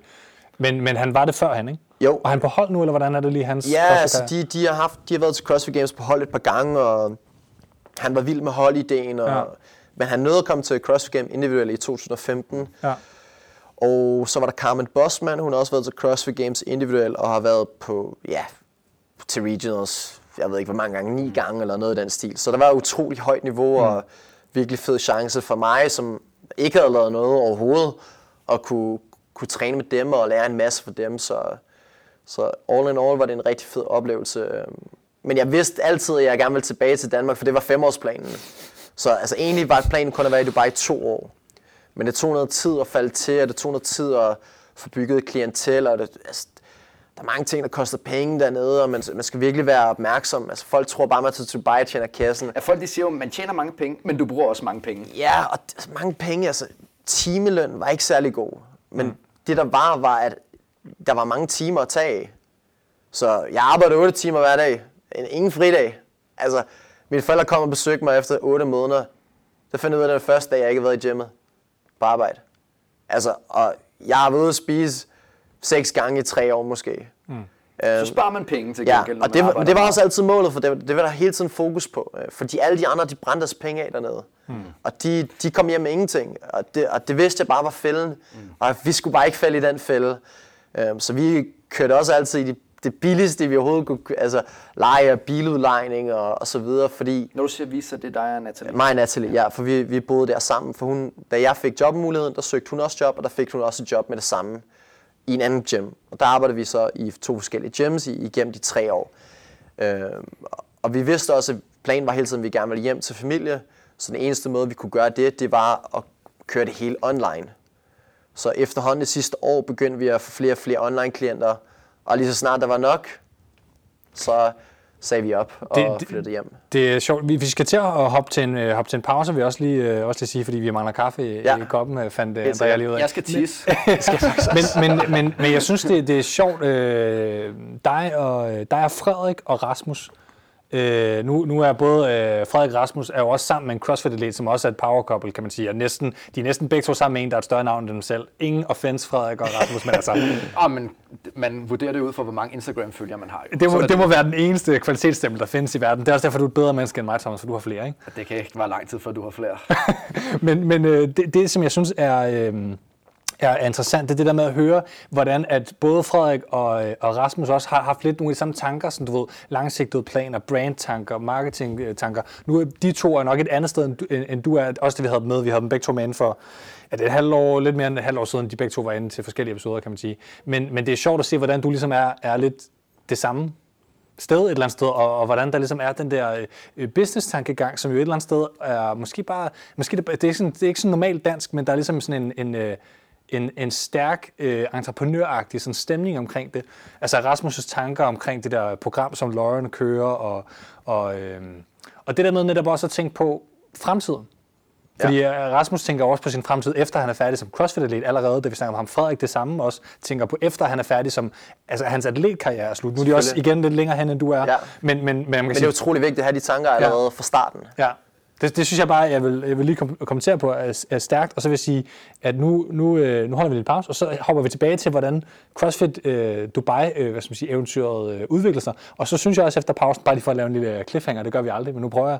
Øh, jeg vil rigtig gerne høre historien om din bror, i forhold til det her med, øh, hvordan du lovede nogle ting, og lavede Ja. et, oath nærmest, kan man sige. Det er også igen lidt udansk, men, men skide spændende, og, og nogle stærke Instagram-posts, i forhold til, hvor man i hvert fald kunne, kunne forstå det lidt. Så jeg vil gerne høre det fra din mund, hvad kan man sige, snakket. Så nu hopper vi til en pause. Mit navn er Julian Kravmasvits, og du lytter til CrossFit Ministeriet. Det her det er Mikkel Light, og du lytter til CrossFit Ministeriet. Velkommen tilbage til CrossFit Ministeriet. Øhm, jeg kan ikke sige det lige så fedt som Mick Light. I øvrigt en episode, jeg vil anbefale, man går tilbage og lytter til, da vi besøgte Mick Light i Svinestien. Lidt samme øh, oplevelse, som at besøge dig, øh, Andrea. Det her med at komme ud, øh, det var så ikke hjemme hos Mick Light, men, men på, øh, i Svinestien, sådan et hemmeligt øh, strongman-sted, hvor man tager ud og træner som øh, øh, meget mere råt øh, end det her, men lidt det samme sådan stemning. Ikke? Øh, det, det, var en, det var en fed episode. Og så skal jeg bare lige huske, det man kalder housekeeping i internationale podcastbog, det er, at man kan anmelde os inde på Facebook og inde på iTunes. Så man går ind på vores øh, Facebook-side, crossfitministeriet.com, eller crossfitministeriet, ikke.com selvfølgelig, bare på, på Facebook, og så kan man simpelthen bare anmelde os, og så, og så der er en mulighed for at give fra 0 til 5 stjerner, eller fra 1 til 5. Og der er selvfølgelig kun, altså 5 stjerner, det er jo det eneste rigtige. Det, er det, det er jo det rigtigste, vil jeg næsten sige. Du, Andrea, du kan selvfølgelig anmelde os uh, nu her nemmest. Hvad kan man egentlig gøre ellers for at støtte showet? Jamen, øh, jeg tror faktisk, at anmelde os på iTunes er nok det vigtigste, fordi så ryger man op i ratings, og så er der mennesker, som ikke kender CrossFit, øh, eller, eller ikke kender CrossFit-ministeriet, som lægger mærke til det. Og så er der to andre muligheder. Godt, du spørger, Andrea. Det var faktisk ikke planlagt, så det er meget fedt. Nej, jeg, jeg tror, der er mange, der tænker, hvad, hvad kan man egentlig gøre? Jamen, øh, man kan gå ind på vores øh, Instagram, og så kan man trykke på vores bio-link. Okay. Så kommer man i vores linktree. Der er faktisk links til, hvordan man kan støtte os. Okay. Så trykker man direkte på det, så kommer man hen på, øh, man kan købe en kvinde-t-shirt og en herre-t-shirt fra Viking Fit, hvor man kan støtte os. Der får vi en øh, jeg tror 45-50 kroner øh, per t-shirt, fordi at øh, Viking Fit, de tjener 0 kroner, de står for produktionen og så videre, og så går al overskud til os. Øh, og så øh, kan man støtte os på øh, Tier, som jo øh, er et besværligt link, fordi det er øh, 10er.app eller sådan et eller andet, men det er meget let at gå ind på Instagram-bioen og trykke på linket, hvor der står støt os på tier. Der kan man støtte os øh, med et beløb mellem 1 og lad os bare sige 6 milliarder for eksempel, hvis man havde lyst til havde mange penge. Men det er per episode. Så hvis man lige ligger og har 6 milliarder øh, til overs, så vil jeg foreslå, at man, man gør det 1 milliard for eksempel. Så, der, så har man til 6 episoder støtte. Ikke? Men, øh, men den, det er den måde, man kan, man kan støtte os på. Men en krone er også helt fantastisk per episode. Helt klart. Jeg tror, at gennemsnittet er øh, et, et sådan 30 kroner per, per dem, der støtter. Og vi er stadigvæk enormt glade for dem, der, dem, der støtter os. Ja. Specielt fordi, jeg tror ikke, der er så mange, der forstår, altså, hvad, hvad det vil sige at lave en podcast. Nu har jeg jo selv lavet en podcast, dengang jeg boede i Dubai, og mm. det er et kæmpe stort arbejde med, med at køre hen og interviewe den person, eller lave noterne til det, og edite showet bagefter. Og det, det er ikke bare den, de der 45 minutter i en time, det, der er 3-4 timers arbejde i det hver gang, og specielt hvis man ikke laver så mange, men man, man skal i gang med det, og udstyret koster også penge, og så jeg vil helt sikkert anbefale, hvis folk synes, det, det er fedt, det I laver, så, så støtte op om det. Specielt i det danske CrossFit community, som er et lille tæt sammenhold, hvor vi prøver at holde sammen og støtte hinanden, så, så er det virkelig fedt at have, have jer, som har ligesom en stemme, og som kan dele nyhederne og dele for os atleter. Og, ja, det er virkelig fedt. Tak for, tak for ordene, Andreas. Så vil jeg lige sige, at hvis man sidder derude og drømmer om at lave en podcast, det behøver ikke være om CrossFit, det kan være om hvad som helst, men også om CrossFit, hvis man synes, andre er også velkomne, så, øh, så er I sgu også velkommen til at skrive, hvis I vil have lidt øh, startup-hjælp. Jeg ved ikke, om man kan skrive til dig, du har jo selvfølgelig også været igennem det, men, øh, men i hvert fald så, altså i forhold til, hvad for noget udstyr er godt at købe, hvad skal man sørge for med feed og stream og, og alle sådan ting, så vil vi sgu også gerne hjælpe med det. Det har Ja, jeg ikke sagt fedt. før, men det tænker jeg, Ja, det, det er fedt, og, og det er faktisk ikke helt let at komme i gang med i forhold til alle de ting, man skal finde ud af teknisk bare, for eksempel. Ikke? nej. Det, Ja, ja, der er i hvert fald en masse små ting, som, øh, som kræver noget erfaring, så det er super fedt, hvis I kan give det.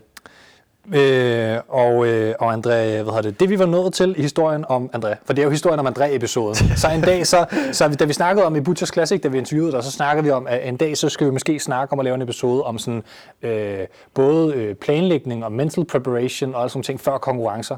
Men det, øh, det bliver nok en anden episode en dag, det snakkede Thomas her om på vejen, at, at det er der sikkert også noget i sig selv om. Men nu var vi nået til historien om, øh, du er i Dubai, det var vi nået til i, i, i kronologien. Ja. Du er dernede, du er blevet coach, du øh, er det i, hvad, hvad var det boksen hed igen? Inner fight. Innerfight, yes. Øh, og øh, og øh, Phil Hesketh er der, og øh, Mia Hesketh, som er blevet Mika Åkerlund, øh, eller omvendt. Omvendt, Ja, ja. præcis. Hun er der, og, øh, og der er en, der, og du, du er på vej. På det tidspunkt er der nogen, der kender dig øh, i Danmark. Men du var ikke et navn, der var på alles læber i Danmark på det her tidspunkt, vil jeg, vil jeg gerne påstå. Er jeg på alle slæber nu?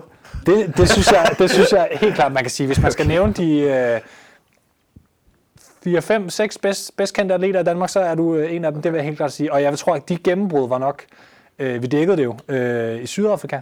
Ja. Øh, hvor du øh, var tæt på at, jeg vil kalde det tæt på at kvalde faktisk Ja, ja. til, til games. Men, men det at springe lidt for langt fremad, men jeg vil sige, det var dit gennembrud. Ja. Øh, øh, du nikker lidt, Thomas? Det var, tror jeg, var oplevelsen i Danmark. Der, der eksploderede du ligesom at blive en, en superstjerne i dansk CrossFit. Ja, det, det kan man vel godt sige. Men, øh, men hvordan, hvordan gik du fra at være coach i Dubai og, og, og lære at være en stor atlet, og have kommet fra derhjemme med Mike og med Philip, den her øh, talenttrio, som senere er blevet, blevet stor jo, kan man sige også, øh, under, øh, under hvad, hedder det, hvad hedder han, øh, Ja, til at starte med. Hvordan kom du for at stå i Dubai til der, hvor du er nu? Hvad er alt det, der er sket øh, siden da, kan man sige? Jeg tror, der er sket en masse ting. Jeg har... I Dubai, der, var, der blev jeg trænet af Phil Heskett, som er ham, der har prepared nu. Øhm, og der var jeg under ham i halvandet år, ud af de tre år, hvor jeg boede der. Øhm, efter et halvandet år, der ville jeg prøve kræfter med noget individualiseret coaching. Så der ansatte jeg head coach fra The Training Think Tank, som er Kyle Roof. Øhm, og der var jeg under ham i to år, og det var også en, en god oplevelse, og det var første gang, jeg ligesom havde, havde noget individualiseret coaching, og det var, det var rigtig fint, og der lærte jeg også en masse. Øhm, men jeg gik dog ikke så meget fremad, som jeg havde håbet på, efter at have været der i to år, var jeg faktisk faldet lidt i åben. Øhm, kan du, kan du nævne nogle af dine resultater på det tidspunkt? Fordi jeg bare så, hvor, hvor er du henne konkurrencemæssigt? Du prøver selvfølgelig dengang, Ja, hvis der er nogen... 2017, der blev jeg nummer 11 i Meridian eh, i Africa Region, og det vil sige, det er top 10, der kommer videre derfra, mm. der blev jeg nummer 11. Mm. Og det var, jeg fortjente slet ikke at blive top, var jeg være i top 10, synes jeg heller. Altså, jeg, jeg synes ikke, jeg havde niveauet til det, på trods af, at jeg havde været 100% dedikeret. Øhm, så der blev jeg nummer 11, og det var selvfølgelig ikke så fedt, fordi regionals var altid drømmen. Og så i 2018, der blev jeg nummer 10, og der kom jeg så med mm. på et hængende hår. Og det var faktisk top 20, der kom med der, så det var ikke så meget på et hængende hår, men jeg følte alligevel, det var lidt skuffende, da det kun var én plads, og jeg var faktisk faldet worldwide i det år igen, på trods af et fuldt år med individualiseret coaching, og investeret en masse penge og tid i det, og hvis jeg følger et program, så følger jeg det fra A til Z, og mm. altså, der, er, der, er ikke noget, der, skal, der er ikke noget, der skal mangle. Øhm, så efter den Open i 2018, der blev det meget klart, at jeg havde brug for en ny træner. Og der, er det, 2018? Måske, 2000 ja, nej, 2019 var det vist. Men, men, en- men, men hvad skete der så efter? Der er så Ja, jeg kvalede så til regionals, øh, og Som, Ja, som var med, været- med Ridgewind, det er bare, også bare fordi, der er også nogle nye mennesker, som er Ja. kommet til CrossFit siden, som måske slet ikke forstår, hvad den gamle struktur var. Men du øh, boede i Dubai, og derfor var det igennem African Region, Ja. som kvalede til Meridian Regional, Ja. som var en af de to, der blev holdt i den samlede sådan, europæiske, Ja. mellemøstlige Afrika-ting, kan man sige. Så det er derfor, at du ikke fremgik af den europæiske, det er fordi, at du boede i en del af verden, som kvalede på den anden måde. Ja. Det er et lidt komplekst system, som vi ikke skal tale mere om, men det er bare for at forklare det. Ja. Og det var så i Spanien, det blev, øh, det Ja, blev lige afholdt. præcis. Ja. Øhm, og jeg havde egentlig været skadet hele året med nogle, nogle albuskader, så vi havde ikke nogen forventninger til, hvordan det kunne gå til regionals. Mm. Og det, jeg blev nummer, jeg tror, 26 ud af 40. Øhm, og det, det var egentlig ikke sådan en fed oplevelse, for jeg havde ikke kunne lave nogle muscle-ups, eller handstand walk, eller snatches før konkurrencen, og ja, der var masser af de tre ting, og det var egentlig bare ikke en, en super fed oplevelse, men det mm. gjorde mig virkelig sulten for, at altså, det her, det skal aldrig ske igen. Og du stod altså også og blev nummer I forhold til, hvad folk normalt bliver første gang, de kommer til regional, så, øh, så det kan man jo selvfølgelig på en måde ikke sige, men det er stadigvæk en nogenlunde fornuftig placering. Også hvis du sammenligner med de andre danskere, som er kommet til regionals, kan man sige. Altså, hvad hedder det, hvad blev Philip Thun for eksempel? Øh, Han gjorde det faktisk ganske udmærket Ja. ja. i de år, han var, det ene år, han var afsted, tror jeg, han blev nummer 16 faktisk. øh, Der, Jamen, han er den, der klarede det bedre første Ja. gang, men, men Mike for eksempel, Mike har, havde lidt svært ved Ja. ja. at, slå helt igennem. øh, og Frederikke Fransen første gang, hun, ja. hun kom i 30'erne et eller andet sted, vil jeg huske. Men det skal vi passe på med at kloge os på, når vi ikke sidder med, med tallene foran os. Men, men pointen er i hvert fald bare værende, kan man sige, at det er jo ikke fordi, man kommer til regional første gang, og så kvalder man selvfølgelig bare øh, blandt de fem. Men fra- mindre man er André Mundviller. Jo, men, men, det, Ja, men det er ja, bare for ja. at sige, man kan sige, det er jo et stort, altså fra at blive open atlet, så er du lige pludselig en regionals atlet, så man forventer, du kommer nok tilbage til regionals næste år. Så Ja. Greg Glassman smed sig en bombe på hele sporten. Og så stod du øh, i en, en ny sæsonstruktur og skulle skifte træner, og så, Ja. hvad, hvad skete der så? Så skiftede jeg træner til Phil Mansfield, som er, bor i Randers faktisk, øh, som er englænder, og som er ham, der styrer Red Pill Training sammen med James Jousey, som er en anden englænder, og de har rigtig mange dygtige atleter under dem, og det er, der var jeg under i et års tid, og det var en fantastisk oplevelse, og det har været den bedst, bedste atletoplevelse, jeg nogensinde har haft, og jeg har aldrig haft så meget udvikling under Phil Mansfield. Um, Prøv at fortælle, hvorfor i forhold til de andre eksempler, Øh, hvor du bare tager udgangspunkt ja, i... øh, Mansfields metoder er fuldstændig mo- modsatte af, hvad The Training Think Tanks metoder er. Um, et lille eksempel vil være, at øh, der er virkelig mange, men lad mig sige på denne måde. Da jeg var under The Training Think Tank, der fik jeg en beha- fys- fysioterapeutbehandling hver uge i alle de år. Og jeg, var alt, jeg havde altid brug for en deload, og jeg var altid helt færdig, og og træningsvolumen blev bare lavere og lavere, fordi jeg bare ikke kunne håndtere det. Jeg tænkte genetisk, jeg er bare lidt øh, bygget til at ikke kunne håndtere noget, og sådan er det bare. Så mødte jeg Mansfield, og han sagde bare, du er bare totalt dårlig form. Vi skal bare bygge dig op. Så i stedet for at tænke, okay, André han føler sig lidt kaput efter den her workout, og kan slet ikke håndtere det, så i stedet for at skære ned volumen, så laver vi bare tre gange så meget. Så hvis du ikke kan håndtere 21-15 i thrusters og burpees, så skal vi bare lave meget mere af det. Altså ikke i form af meget mere bare de specifikke øvelser, men volumemæssigt, træningsmæssigt. Det vil sige, at han kiggede mere på sporten som, som hvis nu man vil udvikle sig som en løber.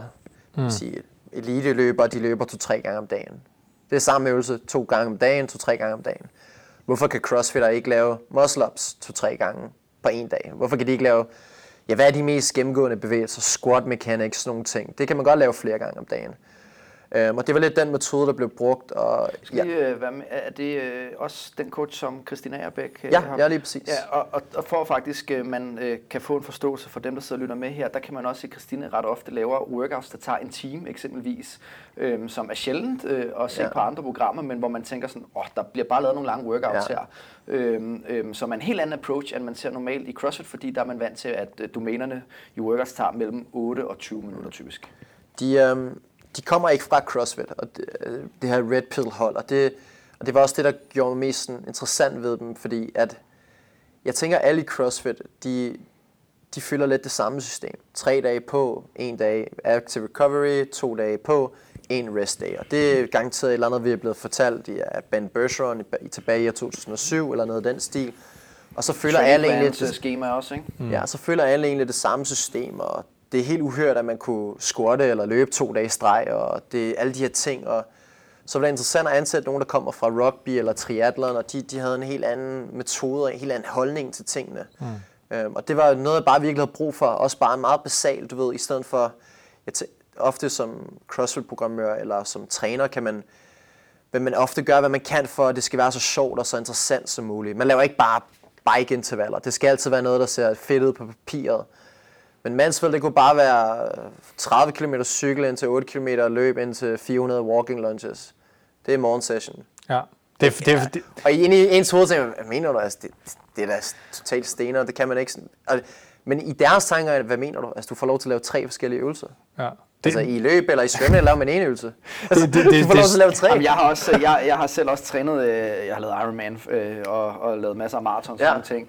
Og, og, og da jeg begyndte at træne cross, så tænker jeg sådan, hold da op, man, vi får godt nok lov til at lave meget, og det er ikke sådan, du ved, øh, dengang der kunne, kunne et session bare være øh, 60 km cykling, og så 10 km løb, og det var det. Og så skulle det alt sammen være steady pace. Altså, i CrossFit, der vil man sådan, du spilder din tid. Ja, Sådan, ja. Altså, Præcis. det, det er virkelig sjovt at se, hvordan at især folk som, som altså, håbfulde atleter, Ja. som måske netop heller ikke har sådan, for programmeringserfaring, kan man sige et eller andet sted, tit er meget, øh, meget øh, sådan besatte af, at, at, at man, når man træner, så skal det være watts. Ja. En gang imellem gider man godt træne lidt styrke. Ja. Men især conditioning i, altså, Øh, bare en time, bare, altså bare ro for eksempel, på et eller andet steady state pace, hvor du skal holde en eller anden puls eller sådan Ja. noget, bare for at opbygge kapacitet. Ja. Den, den er der sgu mange, der bare ikke rigtig gider hoppe med på, for det bare synes de ikke er skide spændende. Nej, det Men er også, sådan meget et sted- misforstået. Men altså, Training Think Ja. Tank for eksempel, de tror ikke på det der Nej. steady state aerobic capacity byg, altså bygning. Det jeg aldrig noget af. Nej, men de har, de har en meget, øh, de har en meget, øh, de har jo meget den her metodologi med, at det skal være øh, inde i sporten i forhold til Ja, det her præcis. mixed methodology og sådan nogle ting, der skal være øh, din kapacitet for det inde i det. Altså, jeg, jeg synes jo et eller andet sted, det er spændende at, at se på alle punkterne, fordi at CrossFit tit, selvom det er altså, mange forskellige ting, tit er bundet meget op omkring, altså hele tanken omkring, hvordan man løfter vægt i CrossFit, det er meget, meget, meget, meget vægtløftning, og, man, ja. og der er mange, mange, meget, meget få mennesker, der kigger nok til powerlifting, i, i, i, i mit perspektiv, fordi man kan lære en masse ting omkring nogle ting der. Eller kigge måske mere på strongman i forhold til, hvordan de sørger for at sørge for øh, altså albu og, og biceps og ting, sørger for noget mere balance omkring ledene, så du ikke får de her typiske skader, som crossfitter får for eksempel. Så det er jo et eller andet sted spændende netop endurance-sporten, det er det, som Red Pill Præcis. øh, jo grad står for, at komme og sige, skal vi nu ikke alle sammen også kigge på nogle, altså blive inspireret her? Ja. Fordi CrossFit er jo et eller andet sted blevet sin egen ting så meget, at den glemmer at, at, at tage de ting ind, som den i gamle dage jo var opbygget om at tage alle andre Ja. ja. perspektiver ind i. Ikke? Det synes jeg er skidespændende. Det var også det, hvor det var så spændende at gå fra Training Think Tank til Red Pill. For det er bare to modsætninger. Ja. Og det var bare så spændende, altså også bare, Training Think Tank, det, det alt var så, også sådan, altså det, og det er slet ikke for at sige, hvad, hvad der var bedst, nu kan jeg sige, hvad der arbejdede bedst, hvad der virkede bedst for Ja, mig præcis. selv. Det skal man også huske på Så det, det er slet ikke for at pege fingre mm. af nogen overhovedet, men altså alt med Training Think, det var altid banded squats med chains og et setup, jeg ikke kunne fylde en hel tavle bare for ja. fem back Det er de meget glade for. Og så møder jeg Mansfeld, og ja. det er bare totalt basalt. Sådan. Fire gange om ugen har jeg bare en times core-arbejde med normale planker og sådan noget.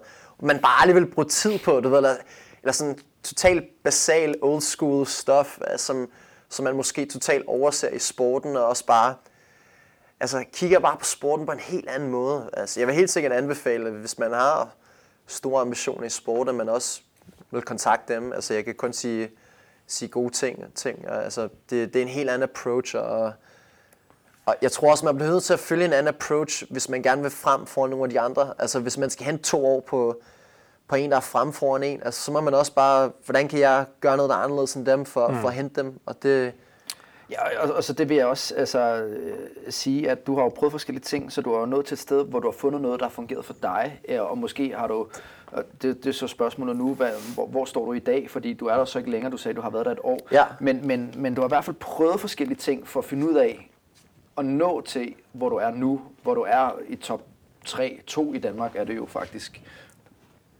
Ja, Så- øhm, altså de sidste fire måneder, der har jeg programmeret for mig selv. Øhm, efter de sidste fem år, hvor jeg har været under Stephen Forsett, Phil Heskett, Kyle Roof og sidst øh, Phil Mansfield. Øhm, jeg har aldrig nogensinde programmeret for mig selv. Jeg har programmeret for en masse andre øhm, dygtige og også normale crossfittere. Øhm, og så nu har det været en, det har været en stor udfordring at, at gøre det for mig selv, men, men det har også været, jeg har altid bedst kunne lide at have ansvaret i mine egne, egne hænder. Efter to år med Training Think Tank, hvor jeg falder på Worldwide Leaderboard, har jeg en følelse i mig, jeg ikke kan beskrive, fordi det, er, det gør mig så vred. Um, og det er ikke, fordi det ikke er min egen skyld, men jeg stoler også på nogle 100%, og hvis jeg ikke får resultaterne, og det er jo ikke, det er overhovedet ikke for at pege fingre, altså det må, jeg, det må jeg selvfølgelig ikke forstå, men hvis man står med det i ens egne hænder, så kan man kun pege fingre af sig selv. Og det har jeg altid været meget mere komfortabel med. Hvis jeg fejler, og det er min egen skyld, så er det okay. Hvis jeg fejler, og det er nogen andres skyld, så føler man, det, så fortryder man det bare på en helt anden måde.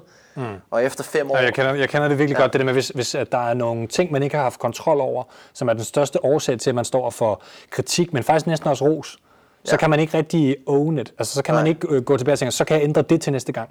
Så kan man kun blive frustreret indeni og tænke, nu skal jeg stå og lytte til en kritik, som egentlig ikke burde komme til mig, eller jeg skal stå og lytte til noget ros, som egentlig ikke tilfalder mig.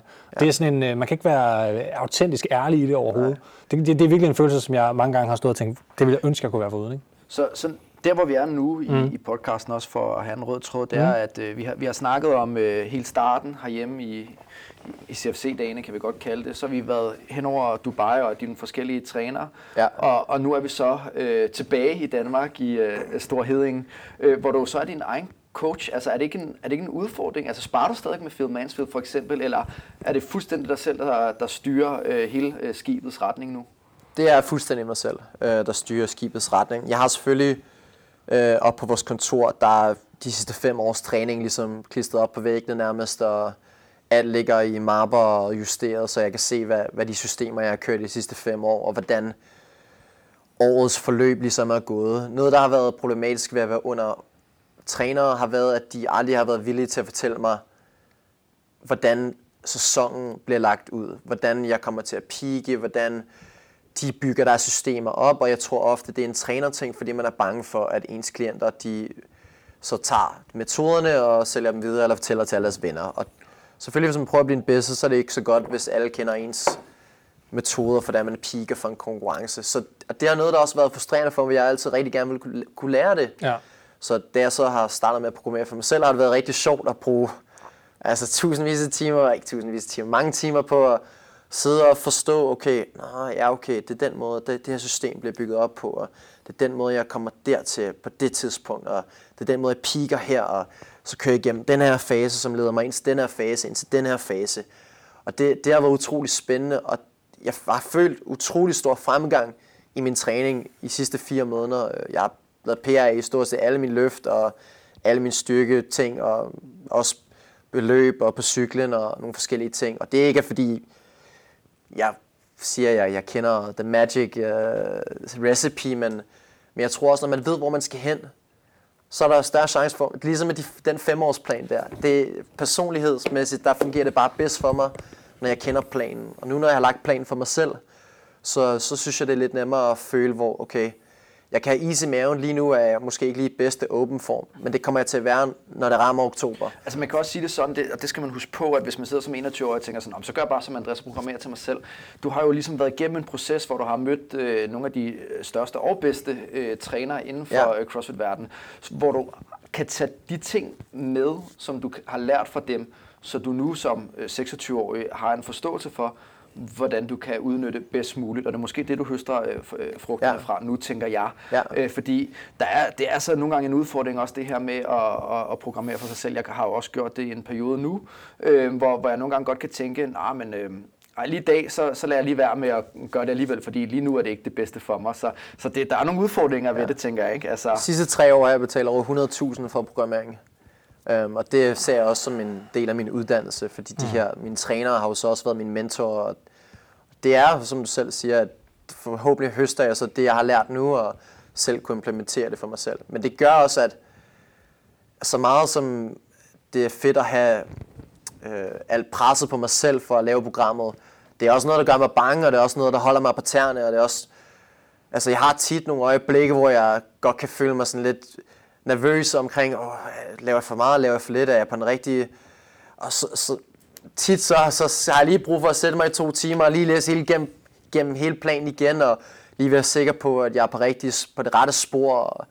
Men sådan var det også før, øh, da jeg havde en træner. Der tænkte jeg også sådan, han har altså virkelig styr på det, ikke? Altså, nu har jeg ikke lige hørt fra ham i fire dage, og øh, jeg synes, jeg havde nævnt det der, og så er det ikke blevet ændret. Og, men, og det er de ting, der kommer, når man også har en træner, og det, jeg vil hellere have presset på mig selv med at have de dage der, hvor jeg bare tænker, åh oh, nej, og, og så har jeg set ham der på Instagram, og shit, og han, han, han kan løfte det der, og filerne, han, og han kan også lave det der. Altså en af de ting, jeg også har gjort, det er også, altså enten har jeg unfollowet alle, der kan noget med CrossFit, eller så har jeg muted dem alle sammen. Mm. Så hvis jeg har en dag, hvor jeg har det godt, og det har jeg for det, for det meste, så har jeg ikke noget med at se min konkurrenters løft. Fordi jeg selv er, er selvsikker i, i det, hvor jeg er nu. Men hvis man har en dårlig træningsdag, og man er lidt nervøs, så, så er det ikke så fedt at åbne sin telefon, og så ligger der bare top 40 games atleter og viser alle deres bedste træningsscener. Og det er helt sikkert noget, jeg vil anbefale, hvis man godt, altså det tror jeg lige meget, hvor god man er, så, så er man altid lidt usikker. Det er ja. også noget, jeg har hørt fra Matt Fraser. Altså, de spørger, hvem, hvem tror du er en trussel? Jeg siger, alle er en trussel. Altså, alle er her for at tage det fra mig, og, mm. og det tror jeg også noget, der gør, at man, man virkelig bliver til noget, det er, at man altid er lidt nervøs og usikker ved, ved sit niveau. Ja, ja, ja. Øhm, altså, nu, jeg er jo ikke engang sådan uh, rigtig atlet, men jeg kan da stadig godt se nogle tidligere træningsmarkere, som lige pludselig har stor succes, stor snatch noget, som, som jeg ikke kan. Det gør det er da sådan en klassiker, den Ja. ja. med snatch. Men Og det den gør der ondt. snatcher meget, og det er sådan, åh, oh, fuck, nu kommer Jamen, jeg, ikke. øh. sidste, sidste gang det skete, der sad der en halv time og var, altså jeg var ikke ked af, jeg er generelt ret upåvirket af, hvad Ja. folk nogle gange gør, og sådan rimelig glad, ligeglad og gør mine egne ting, og træner alene og sådan noget, men, men, øh, men det gør sgu da ondt, og det er da heller ikke noget, man har lyst til at indrømme. Det er lidt sjovt, tit, fordi at jeg har været sådan en periode, hvor jeg har brugt et halvt år på at tabe mig, så jeg har været Ja. øh, kalorieunderskud et halvt år, ikke? og det bliver man ikke rigtig særlig stærk af, kan jeg så fortælle.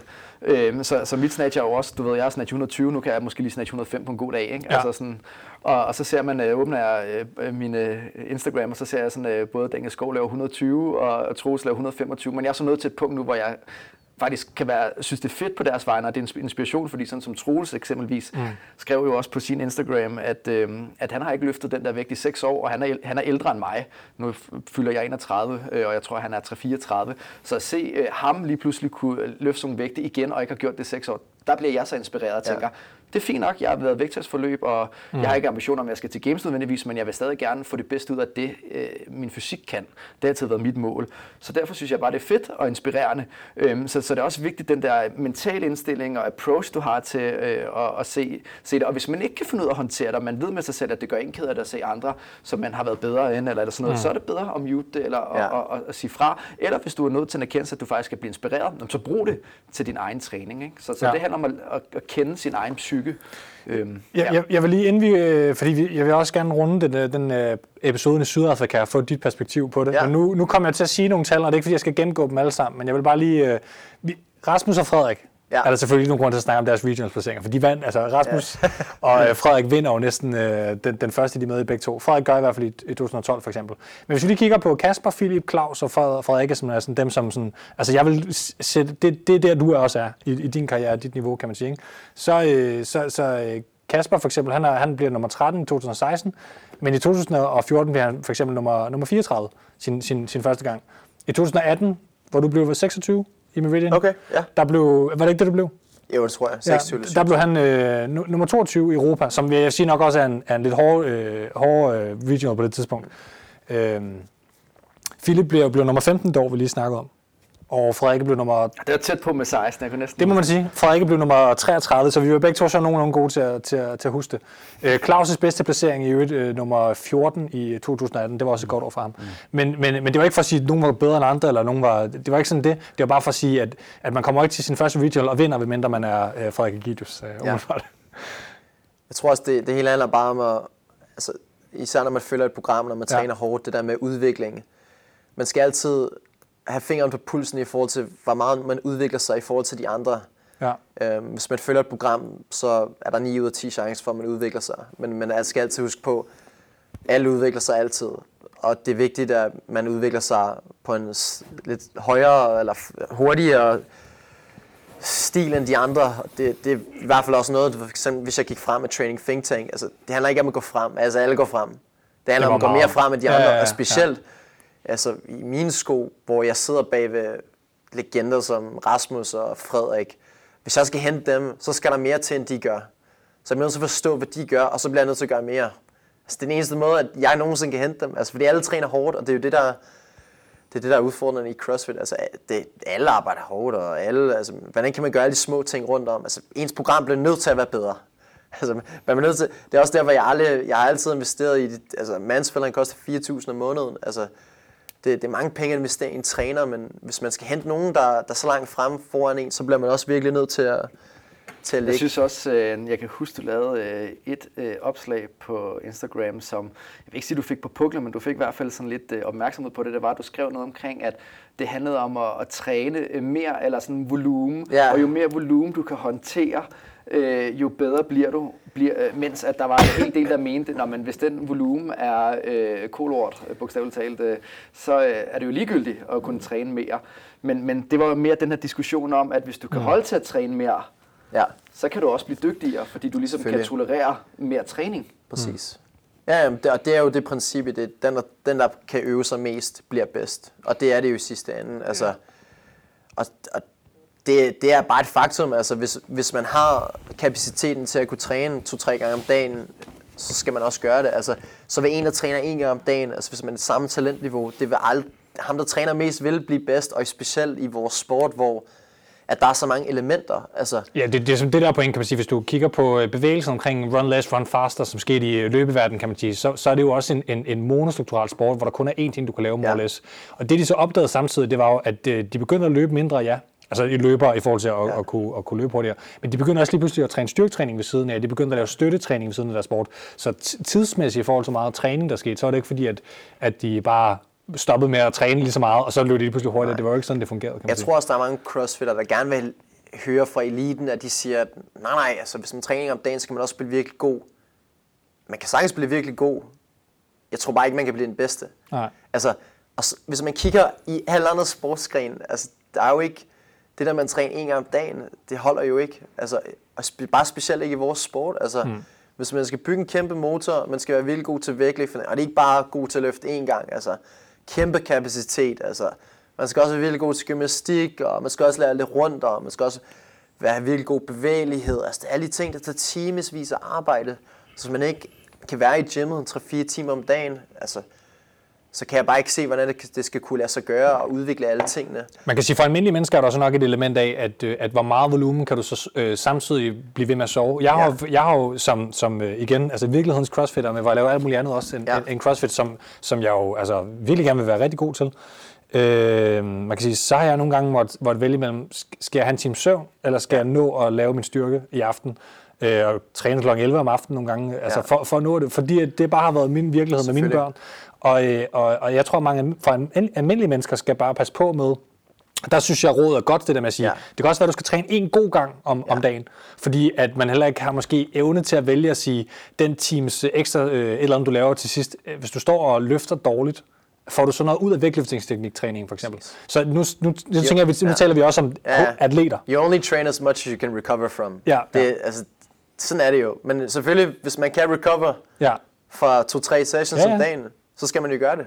Eller fire, hvis man og kan det tager jo tid det, at bygge. Ja. Altså alle kan komme derop, det tager bare lang tid at bygge, og det skal bygges rigtigt, det skal bygges over tid og med god guidance og sådan nogle ting. Øhm, så ja. I, I 2018 til Regionals, er det ikke der, du poster om, øh, om, om, din, øh, om din bror, i forhold til, at du har lovet ham at stå der en dag? Jo. Kan du, kan du fortælle den historie? Ja, nu, det kan jeg sagtens. I 2015, der er mig og mit bror til Athlete Games, øhm, som også hvor Thomas Frøsje er med. Det er den eneste gang, jeg har været på gulvet med André og, og kunne slå ham. ja, Hvad, Der hvad, blev, I, hvad, hvad blev I, hvad jeg sagde? jeg blev nummer 77. Jeg blev nummer 59. Det er Okay. faktisk ikke helt skidt. Nej, det er der faktisk peakede. Det var, det var en stor konkurrence, ikke? Bare lige kæmpe for stor. folk, der Det ikke var, kender altså, Det, det var drømmen, øh, udover... øh, Alle top ja. 20 var regionals. det, det, det var en slags øh, EM. det var, det var helt det. Det var en virkelig fed konkurrence. Ja. Det var mega professionelt. Jamen, du har fortalt mange gange om det det, var Thomas. større end Ja. de fleste sanctionals, Ja. ja. vil jeg sige. Ja, ja, helt sikkert. Og Der, der kom 100 med, der blev jeg nummer 101, der kom jeg heldigvis med på et afbud. øhm, og der, Og, jeg kvalede som nummer 97, så det var. Så I performede begge to væsentligt over jeres kval. Det er da dygtigt. Og der, øhm, der, der kom min bror med og støttede mig. Han har altid været meget støttende omkring alle de sport, jeg har lavet med amerikansk fodbold, og han har været med mig i USA og alle sådan nogle ting. Og det var min første cross-konkurrence et år efter, jeg var startet. Og der var han med og støttede mig, og det var, det var super fedt, og vi havde en virkelig god oplevelse. Og, og altså på det her tidspunkt har jeg allerede besluttet mig for, at jeg er all in på CrossFit. Altså, det, der var ikke, fra 2014, der startede det bare. Der var ikke nogen pause siden da. Og der, øhm, Jamen, der efter konkurrencen, der besluttes var, at altså, den her konkurrence, den skal vi vinde. Den besluttede sig efter det år, desværre. Sådan er det med CrossFit, det er hver år, der sker noget nyt. Så, så næste mål, det var, at, øh, eller en af de andre mål var, at vi skulle til regionals, da regionals var anset som, hvis man kunne komme til regionals individuelt, så er man en del af, hvad man kan kategorisere som toppen af CrossFit, Ja. ja. og det var utrolig svært, fordi mm. man kunne, kunne komme til regionals efter Opens og efter at have været i top Ja, ja. 10, 20, 30, hvad end det et, nu skud, var. et skud i bøssen, ikke, om Ja. året. Altså. Præcis. Det var ligesom dengang, man vidste præcis, hvem var god til hvad, fordi der var de her tre faste konkurrencer, ja. Ja. Open, øh, hvad hedder det, Regionals og Games, og der vidste man, dem der er til Open, de er så gode, Ja. og der kan man så kigge på, hvor langt kom det så, for der var så mange hundredtusinder med, ikke? Ja. Men Regionals, det var ligesom det første adelstempel, man kunne få som crossfitter, og især individuelt, og ikke for at tage noget Ja, fra ja, Thomas, men men, altså, men vi har vi, da vi startede øh, podcasten, der gjorde vi også det med vilje, at vi altid nævnte, om folk var teams, Ja. eller individuelle atleter til forskellige ting, fordi det er to forskellige krav til... Meget. altså, ja. ja, helt sikkert. Nå, men efter, efter konkurrencen, som sagt, så evaluerer vi og sætter nye mål og kæmpe ambitioner selvfølgelig, og regionals, det er bare første step, og egentlig er målet bare altså, at forfylde mit øh, potentiale, hvad end det nu er. Øhm, men øh, desværre så, så dør min bror senere, senere det år der, og det, det gør mig jo selvfølgelig utrolig ked af det, og hele min familie er helt ødelagt på grund af det, og, og det gjorde også bare, at altså, jeg har lovet ham, at jeg skulle til regionals, og jeg holder, hvad jeg lover, og, og hvis jeg var dedikeret før, så var der intet, der skulle stå i vejen for mig, efter det skete. Altså, det var lige meget, om jeg skulle arbejde for det i 20 år. Altså, så skulle regionals nok ske. Mm.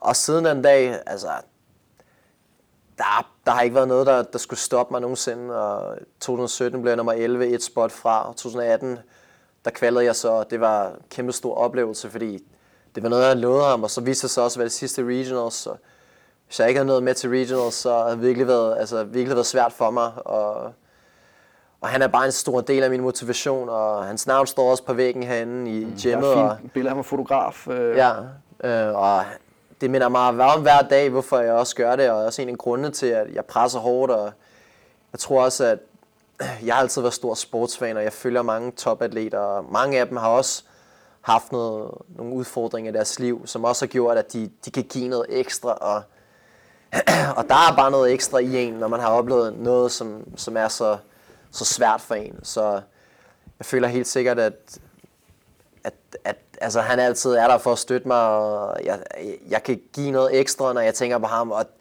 og det kan jeg bare. Altså, det, det er ikke noget, man kan forklare, det er ikke noget, man kan læse om, og det er ikke noget, man kan studere. Men altså, hvis jeg tænker på ham, og jeg sidder på cyklen, eller der er et minut tilbage, og Natalie, hun råber hans navn, altså, så kan jeg tænde for noget ekstra. Og det alle hårene på kroppen rejser sig, og jeg kan bare presse 10% ekstra. Og det er også der, hvor de fleste open workouts, der er jeg fuldstændig ødelagt efter. Altså, der har jeg givet noget, som jeg ikke kan forklare. Altså, det, så der, det er fortsat øh, noget, der motiverer mig. Der er også med min søster, som sidder i kørestol, som ikke, kan, ikke selv har kunne udnytte hendes fysik. Og så føler jeg også virkelig, at jeg virkelig skal udnytte, at jeg godt kan gå på mine ben, og det kan hun ikke. Og det er også noget, jeg også gerne vil være forbillede for. Altså, at man virkelig skal være glad for, at man har sin krop, og man skal udnytte den til fulde potentiale. Men i hvert fald så, min bror han motiverer mig utrolig meget, og, og det, er, ja, det er bare noget, der altid vil være kæmpe driving factor øh, bagved, bagved, for jeg gerne vil være den bedste. Ja, og det, og det er sådan noget, man kan bruge, øh, selv hvis man står og tænker, fuck, jeg er nervøs, så kan man, du ved, så kan man lige pludselig begynde at tænke på de her ting, som ligesom får en væk fra sin kropslighed, hvor man er nervøs og tænker, fuck, det, der er noget, der er større end det Ja. her. Mm. Så, så, så det bliver mere håndgribeligt, det man skal ind og gøre, og, og man kan lægge det, det negative nervøsitet væk fra sig. Mm. Jeg tror også, der er mange, der har mistet nogen. Altså, de fleste mister jo folk rundt om, som man elsker. Jeg vil også gerne være et forbillede for at sige, at... Altså, Man kan bruge det til noget stærkt. Ja, man skal noget, bruge det til noget, i stedet for at lade... Altså min familie, vi var selvfølgelig virkelig ked af det, men det gjorde os også virkelig meget, meget, meget stærkere. Altså, på trods af, at vi allerede havde min lille søster med i kørestol, og altså, efter min bror døde, så døde min morfar, så døde min farmor, og altså, min søster var ved at dø på hospitalet hvert år i de sidste, ved ikke hvor mange år. Altså, det, det gør virkelig, at man bliver ro- robust på en helt anden måde. Ja. Øhm, Jeg synes, at Jason Kalibers øh, bog, som jo er selvfølgelig, det, det blevet, han er blevet meget populær i business-sfæren i, i CrossFit, fordi han har bygget et, et succesfuldt øh, firma op der, kan man sige. Men han har også den her, øh, han snakker om AMRAP mentality. Ja. Jeg har faktisk lige ved at være færdig med, med, med bogen derhjemme øh, i øjeblikket, fordi jeg læser så mange bøger på en gang, så nogle gange ja. så når jeg ikke at blive færdig med en hurtigt. Men, men øh, jeg, jeg, har faktisk, jeg har faktisk siddet med ind i mig. Nu er jeg også selv far, Ja. og øh, det handler jo meget om hans, hans datter for, øh, for leukemi. Ja.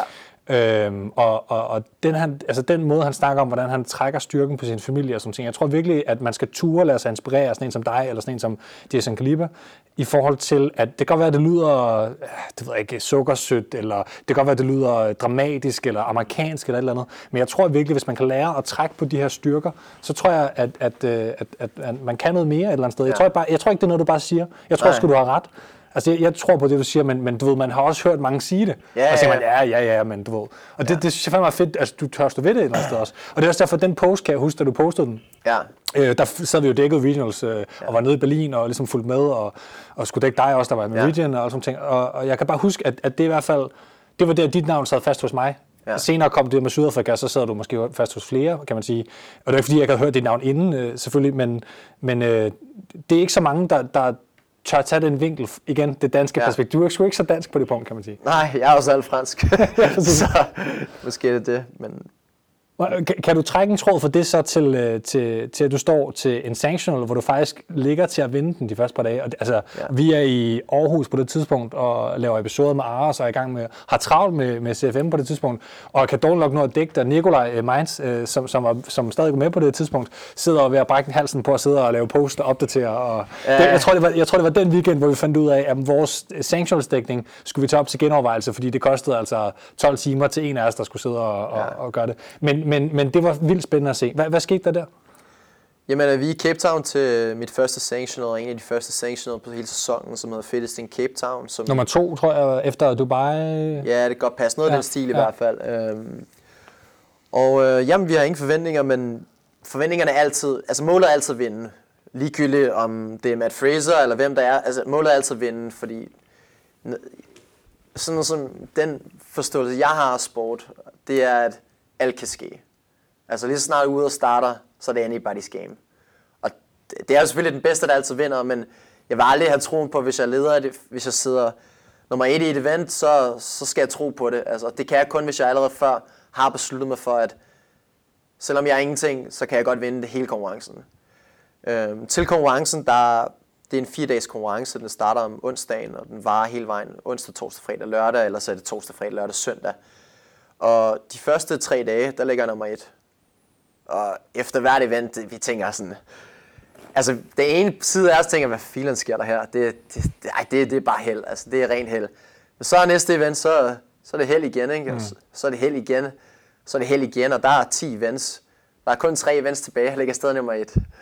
Øhm, men det viser så her på sidste dagen, at der kan jeg slet ikke trække igennem, og jeg er slet ikke i god nok form til det, og de er, Er, er bare der noget med bedre. eventsene i forhold til, for de første events, altså, Før, mange første... Eller, der var, altså i starten var der obstacle course event, som jeg vandt. Jeg har aldrig nogensinde lavet et obstacle course, så det var egentlig meget fedt, at det, det kunne lade sig gøre. Og så der var også et paddleboard event, øhm, som jeg også var udmærket til. Og der var nogle ja, lidt odd object events også, hvor man skulle løbe med en sandsæk op ad et bjerg. Og, altså jeg havde bare fuldt gå på mod med det, og øh, målet bare at lede, lede vente, og så bare holde fast. Og mm. det, det holdt mig virkelig i, i mange events, og så var der sandbag, øh, så var der sådan sandbag strict handstand push-up, hvad hedder filer hedder det, det event det med det, ja, dødløft. Øh, det havde været noget sjovt, kan Elis- nej, ikke. Elisabeth. Øh, jeg kan ikke huske det, men CrossFit Benchmark i hvert fald. Diane, der Ja, Diane. Ja, ja. Og den, den lå jeg også bare lede, og jeg tænker bare, mm. filen er foran Cole Sager? Altså, Cole Sager på den ene side, Street Horner og uh, Jason Smith, altså det er kun gamesatleter Ja. ja. i den her konkurrence. Og Sean Sweeney, som endte med at vinde det, var det ikke sådan? Ja. sådan 15 gamesatleter, og øh, der er nogle events, hvor jeg bare ligger og fører foran, og jeg tænker, det er løgn det der. Altså, hvad filen foregår der?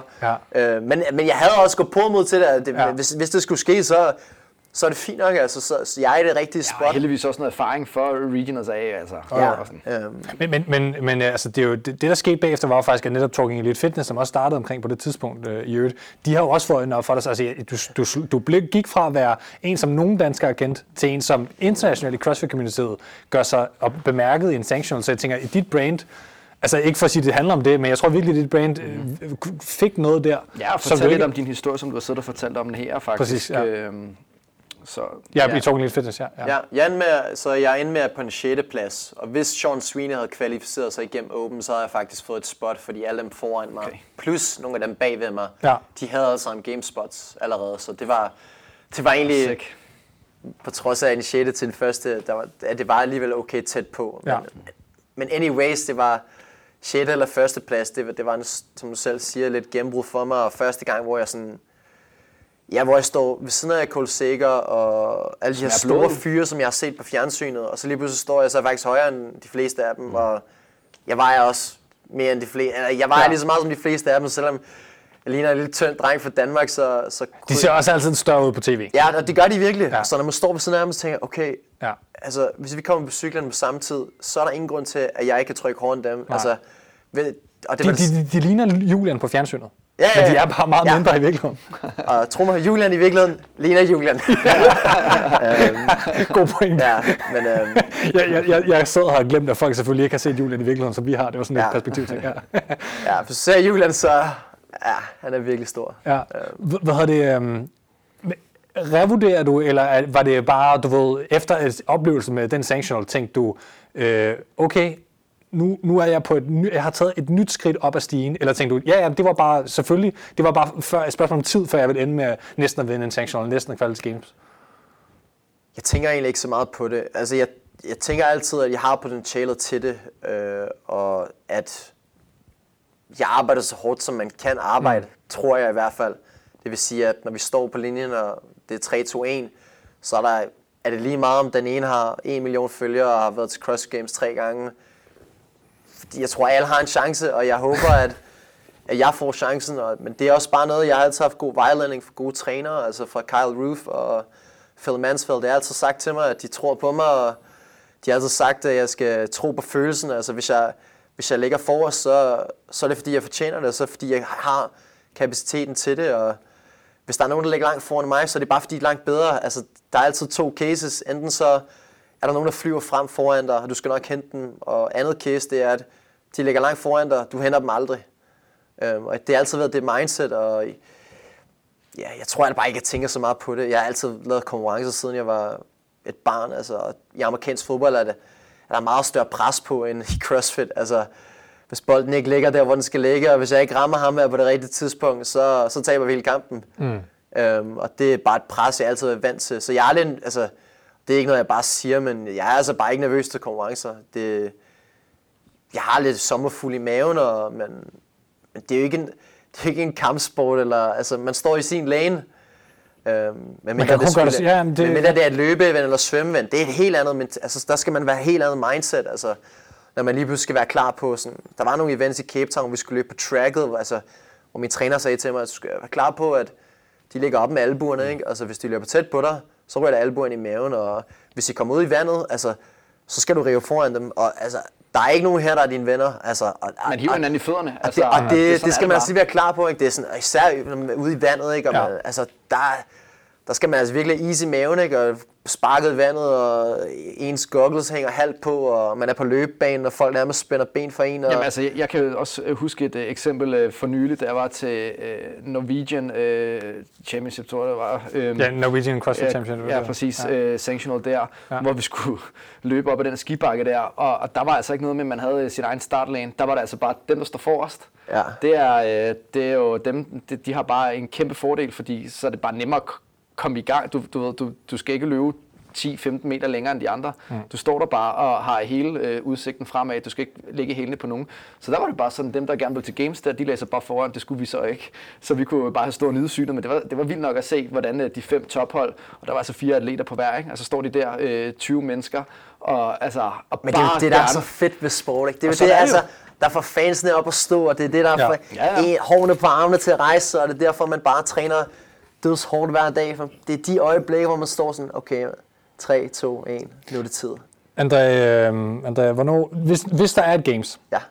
næste år, og det, det mener jeg faktisk helt alvorligt, når jeg siger, hvis der er games, fordi det, det er virkelig op i den der Ja, nu, og man ved det fandme ikke, hvad der sker. Rogue Fit øh, øh, til næste år, eller Nej, om og- det bliver CrossFit, eller whatever. Ja, og om, om det ender med at være et kaos i et år igen, og så, så er det tilbage. Man kan sige, lad os sige, om et par år, når der i hvert fald med sikkerhed er et verdensmesterskab af en slags af samme format som Games. Hvad end det nu er for en konkurrence. Øh, hvad er det? Hvor- Hvornår er du med der? Når jeg er god nok. Okay. Det, det er det bedste svar, jeg kan give, tror jeg. Altså, Ja. Der er ikke nogen deadline på det. Altså, for mig, der, der stopper det ikke i år, eller næste år, eller året efter det, eller det år efter det. Altså for mig, der er det her lige designet til, at jeg kan undervise, og jeg kan træne. Altså, hø- højt niveau CrossFit, indtil, indtil jeg er færdig. Altså indtil jeg er færdig fysisk, og det er forhåbentlig først, når jeg er 35.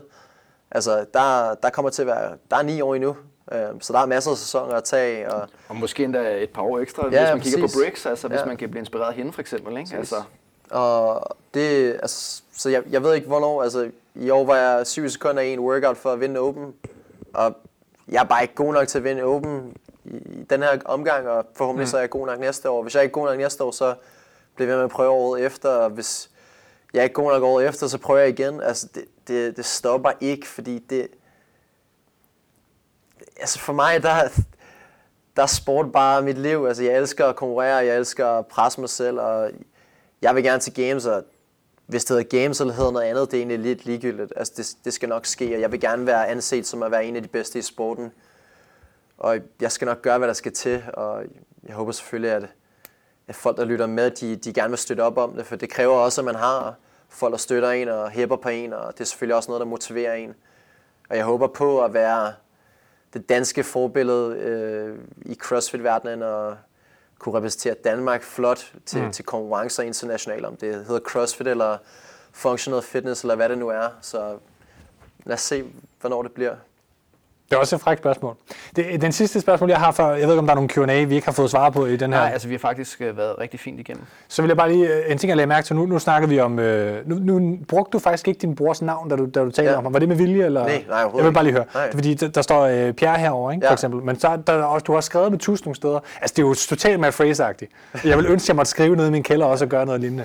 Men, øh, men nu står der her for eksempel, look for work, står der med spritus øh, henover, øh, det er så ved jerkblokkene. Og så står der every session counts øh, Ja. herover. Kan du, øh, hvad, hvad, hvorfor og hvad er det for noget? Der står nogle forskellige ting. Der står, som du selv nævner, look for work, og every session counts. Så står der, is that all you got, øh, over i vindueskampen. Mm-hmm. Der står min brors navn, og en gang om måneden, nogle gange, så kommer der en ny ting op. Det er sådan nogle ting, der kommer op, når man står i tredje session klokken 7 om aftenen, og er helt færdig, og ikke gider at træne, og sådan er det næsten hver aften, at jeg ikke har lyst til at, til at komme tilbage og lave en til session, og få arbejdet på nogle flere ting, og men jeg ved ikke, jeg ved ikke, om det kommer fra amerikansk fodbold, eller det er virkelig uddansk, altså at lave sådan nogle, skrive sådan nogle ting, og der står også body language, og der står bare en masse små reminders, som, som tænder et eller andet i mig, og jeg ikke har nogen træne med, og det har jeg stort set ikke haft de sidste tre år. Og det gør bare, at det, det motiverer mig, og det, det hjælper bare med at holde fokus, og det hjælper med at give lidt ekstra. og der er mange, der synes, det er cheesy, og der er mange, der synes, det, der er sådan lidt ja, jeg ved ikke, hvad man skal kalde det, men i hvert fald meget, det er ikke særlig dansk. Øh, og det er bare noget, der jeg altid synes er sådan noget motivational quotes og motivational videos, og mm. det har altid fungeret sindssygt godt for mig, og det er bare noget, der kan få mig helt op at køre. Altså, og, og det har jeg bare brug for nogle gange. Mm. Og det, så når jeg sidder på cyklen, og jeg prøver at trykke så hårdt, som jeg overhovedet kan, og jeg vil at give op, ikke? for det er meget normalt, at man, man, man er på det stadie der, og jeg lige får øjnene op, og står der, It's, is this all you got? Altså, så tænker jeg på Kasper Gammelmark, så tænker jeg på Claus Ukehøj, så tænker jeg på Frederik Gitte, så tænker jeg på Rasmus Andersen og alle de andre i Danmark og alle de andre i verden. Og- Og det får mig bare i et andet gear. Altså, og det er det, jeg har brug for. Altså, mm. Jeg har brug for at, øh, at tænke på dem og tænke på de her forskellige quotes, der står på væggene. Øh, det, det får mig bare til at give noget ekstra. Og det er blandt andet også en af de grunde til, at jeg stoppede med holdsport dengang. Bare fordi, at jeg ville det så meget, men det ville de andre ikke. Og man har brug for, i amerikansk fodbold, du ved, et roster af 50 spillere og Ja. fire trænere. Og, altså, det er et kæmpe system, som, som man har brug for, for at det kan lykkes. Men her, der har jeg kun brug for en person, det er mig selv. Og det, det er bare fedt at kun skulle ikke tænke på sig selv, men at, at stå for ansvar mm. selv, og det er bare vildt fedt. Og jeg vil bare lige sige, hvis man har lyst til at komme forbi Stor Hedinge, som er en fantastisk by, og ikke så langt fra Stævns Klint og alle mulige andre smukke steder i Danmark, så skal man altså være velkommen til at komme forbi til en træning, og det er bare noget, man kan skrive på Instagram, eller hvad så, hvad laver du i dag? Kan jeg lige komme med på session 1 eller 2, eller så skal man altså være velkommen til at hoppe forbi. Øhm, der, der er sgu åben hus, jeg er altid hjemme, og jeg træner og arbejder hjemmefra, og man er altså velkommen til at, til at komme forbi, hvis man har lyst. Jeg, jeg, jeg kommer forbi en dag, André. Ja. Jeg synes, du, jeg synes, du er fucking inspirerende. Altså, det, det, det synes jeg virkelig. Og jeg synes, at det er virkelig spændende at øh, opleve den der netop, altså alt det der playbook noget også. Det har vi ikke talt om i dag. Det laver vi en episode om en anden dag. Okay. Fordi jeg synes, at det er, øh, det er den der sådan lidt, den, den uh, sportsagtige intelligens. Training Think Tank bruger faktisk også meget tid på det. Kyle, øh, Kyle Roof Ja. snakker tit om det. Øh, det her med om at sige, sæt dig ned, analysere dine videoer, øh, planlæg ting og lave... Øh, altså, der er jo ikke nogen inden for øh, vægtløftning, som vi ellers er meget inspireret af i CrossFit, som ikke laver fireårsplaner og olympiske tanker, og hvor trænerne ikke siger, hvornår skal du pike og sådan ting. Ja. Det, CrossFit er, er sgu lidt for meget en ung sport og en leg nogle gange. Øh, og igen, nu taler jeg primært nok om folk på mit eget niveau, som altså ikke er øh, lige så dygtige som, som, som jeg to. Men, men jeg ved det jo lige så meget på mange punkter. Jeg ved også bare så meget andet, kan man ja. sige. Og så er jeg måske bare ikke øh, dygtig nok øh, på, på nogle områder, øh, til, til at det kunne blive til noget mere, kan man sige. Men, men stadigvæk, jeg tænker, den tid, man bruger på sin CrossFit, brug den nu 100%. Ja, Og, øh, og få det bedste ud af det, i stedet for at lave det, din ven lige lavede, som var en sjov workout eller sådan Ja. noget. Det, øh, ja, det havde jeg bare lige brug for at sige. Hvad hedder det? øhm, Jamen, jeg har også en, en ja, sidste point, kom jeg vil sige, at øh, vi er ved at, nemlig at være igennem Yep. øh, det her lange podcast, men øh, mega spændende især at lave, synes jeg her. Øhm, men, men nogle fejl, som nu er jeg jo øh, en gammel mand efterhånden i 30, mm. i start 30'erne, så altså, nu kan jeg jo også fortælle om nogle af de fejl, som jeg især gjorde i starten af min CrossFit-karriere, var jo, at jeg tænkte ikke meget mere end et år frem. Altså, du ved, det var det næste Open, det næste Regionals, that's it, du ved, og så var jeg på team, så var jeg på team igen, og så var jeg team igen. Og så det, der skete, det var jo, at mange af de her teamkonkurrencer, det gjorde jo så at måske tre måneder af min træning individuelt røg, fordi at jeg ligesom fokuserede på noget andet. Øhm, så der kan man godt prøve at tænke, øh, hvis man i hvert fald rent egoistisk vil blive så god som muligt, så må man måske tænke sin sport i et lidt længere perspektiv end mm. bare den næste konkurrence eller den ene sæson. Øh, og du sidder også og nikker her, og det er måske også nogle overvejelser, du har gjort, der tænker, jeg er ikke team versus individuel, og hvad, hvad skal der til for at komme så langt? Og det er jo det her med igen, det er ikke bare næste år, det stopper, fordi jeg har klaret den her konkurrence. Nej, det fortsætter og fortsætter og fortsætter. ja, helt sikkert. Vi skal til at stille og roligt og melde af, og, øh, og selvfølgelig også give dig mulighed for lige igen at gøre, øh, altså reklame er et stort ord, men man kan sige, øh, altså lige fortælle, hvad, hvad, hvad du kan. Altså nu kommer man for eksempel komme forbi Stor Hedinge og, og ja. Blive inspireret. Altså helt ærligt derude, øh, det er sådan noget som, især igen i Danmark, der er sgu ikke nogen, der, der gør sådan noget særlig meget. Jeg skal fandme herud sammen med Julian, tror jeg, og få tæsk af dig og Julian. Det er helt sikkert. Hvad har det, men, men tag, t- find, øh, altså, find en bil og kom ud til Storhedinge og prøv at blive, få en inspireret, øh, inspirerende oplevelse hos, øh, hos Andrea. Det synes jeg lyder som en fed idé. Øh, og så skal man huske derude, at øh, man, kan følge, øh, man kan følge os på øh, Facebook og Instagram, som vi forhåbentlig allerede gør, men, men også øh, anmelde os på de forskellige platforme, som vi talte om, da vi startede for den her pause. Støt os på tier, eller køb de her Vikingfit øh, t-shirts. Og jeg kan afsløre, at der på et tidspunkt formentlig kommer øh, også noget mere kollektion, som vi også har reklameret en lille smule for i forhold til en, en vinterkollektion, men det bliver altså til efteråret, den kommer, for vi nåede det ikke her til, til, til sommer at have det helt klar til jer. Men øh, dig, Andrea, hvor kan man, man kan følge dig? Ja, øhm, man kan finde mig på Instagram på André Hude, og så kan man finde mig på min hjemmeside, andrehude.com.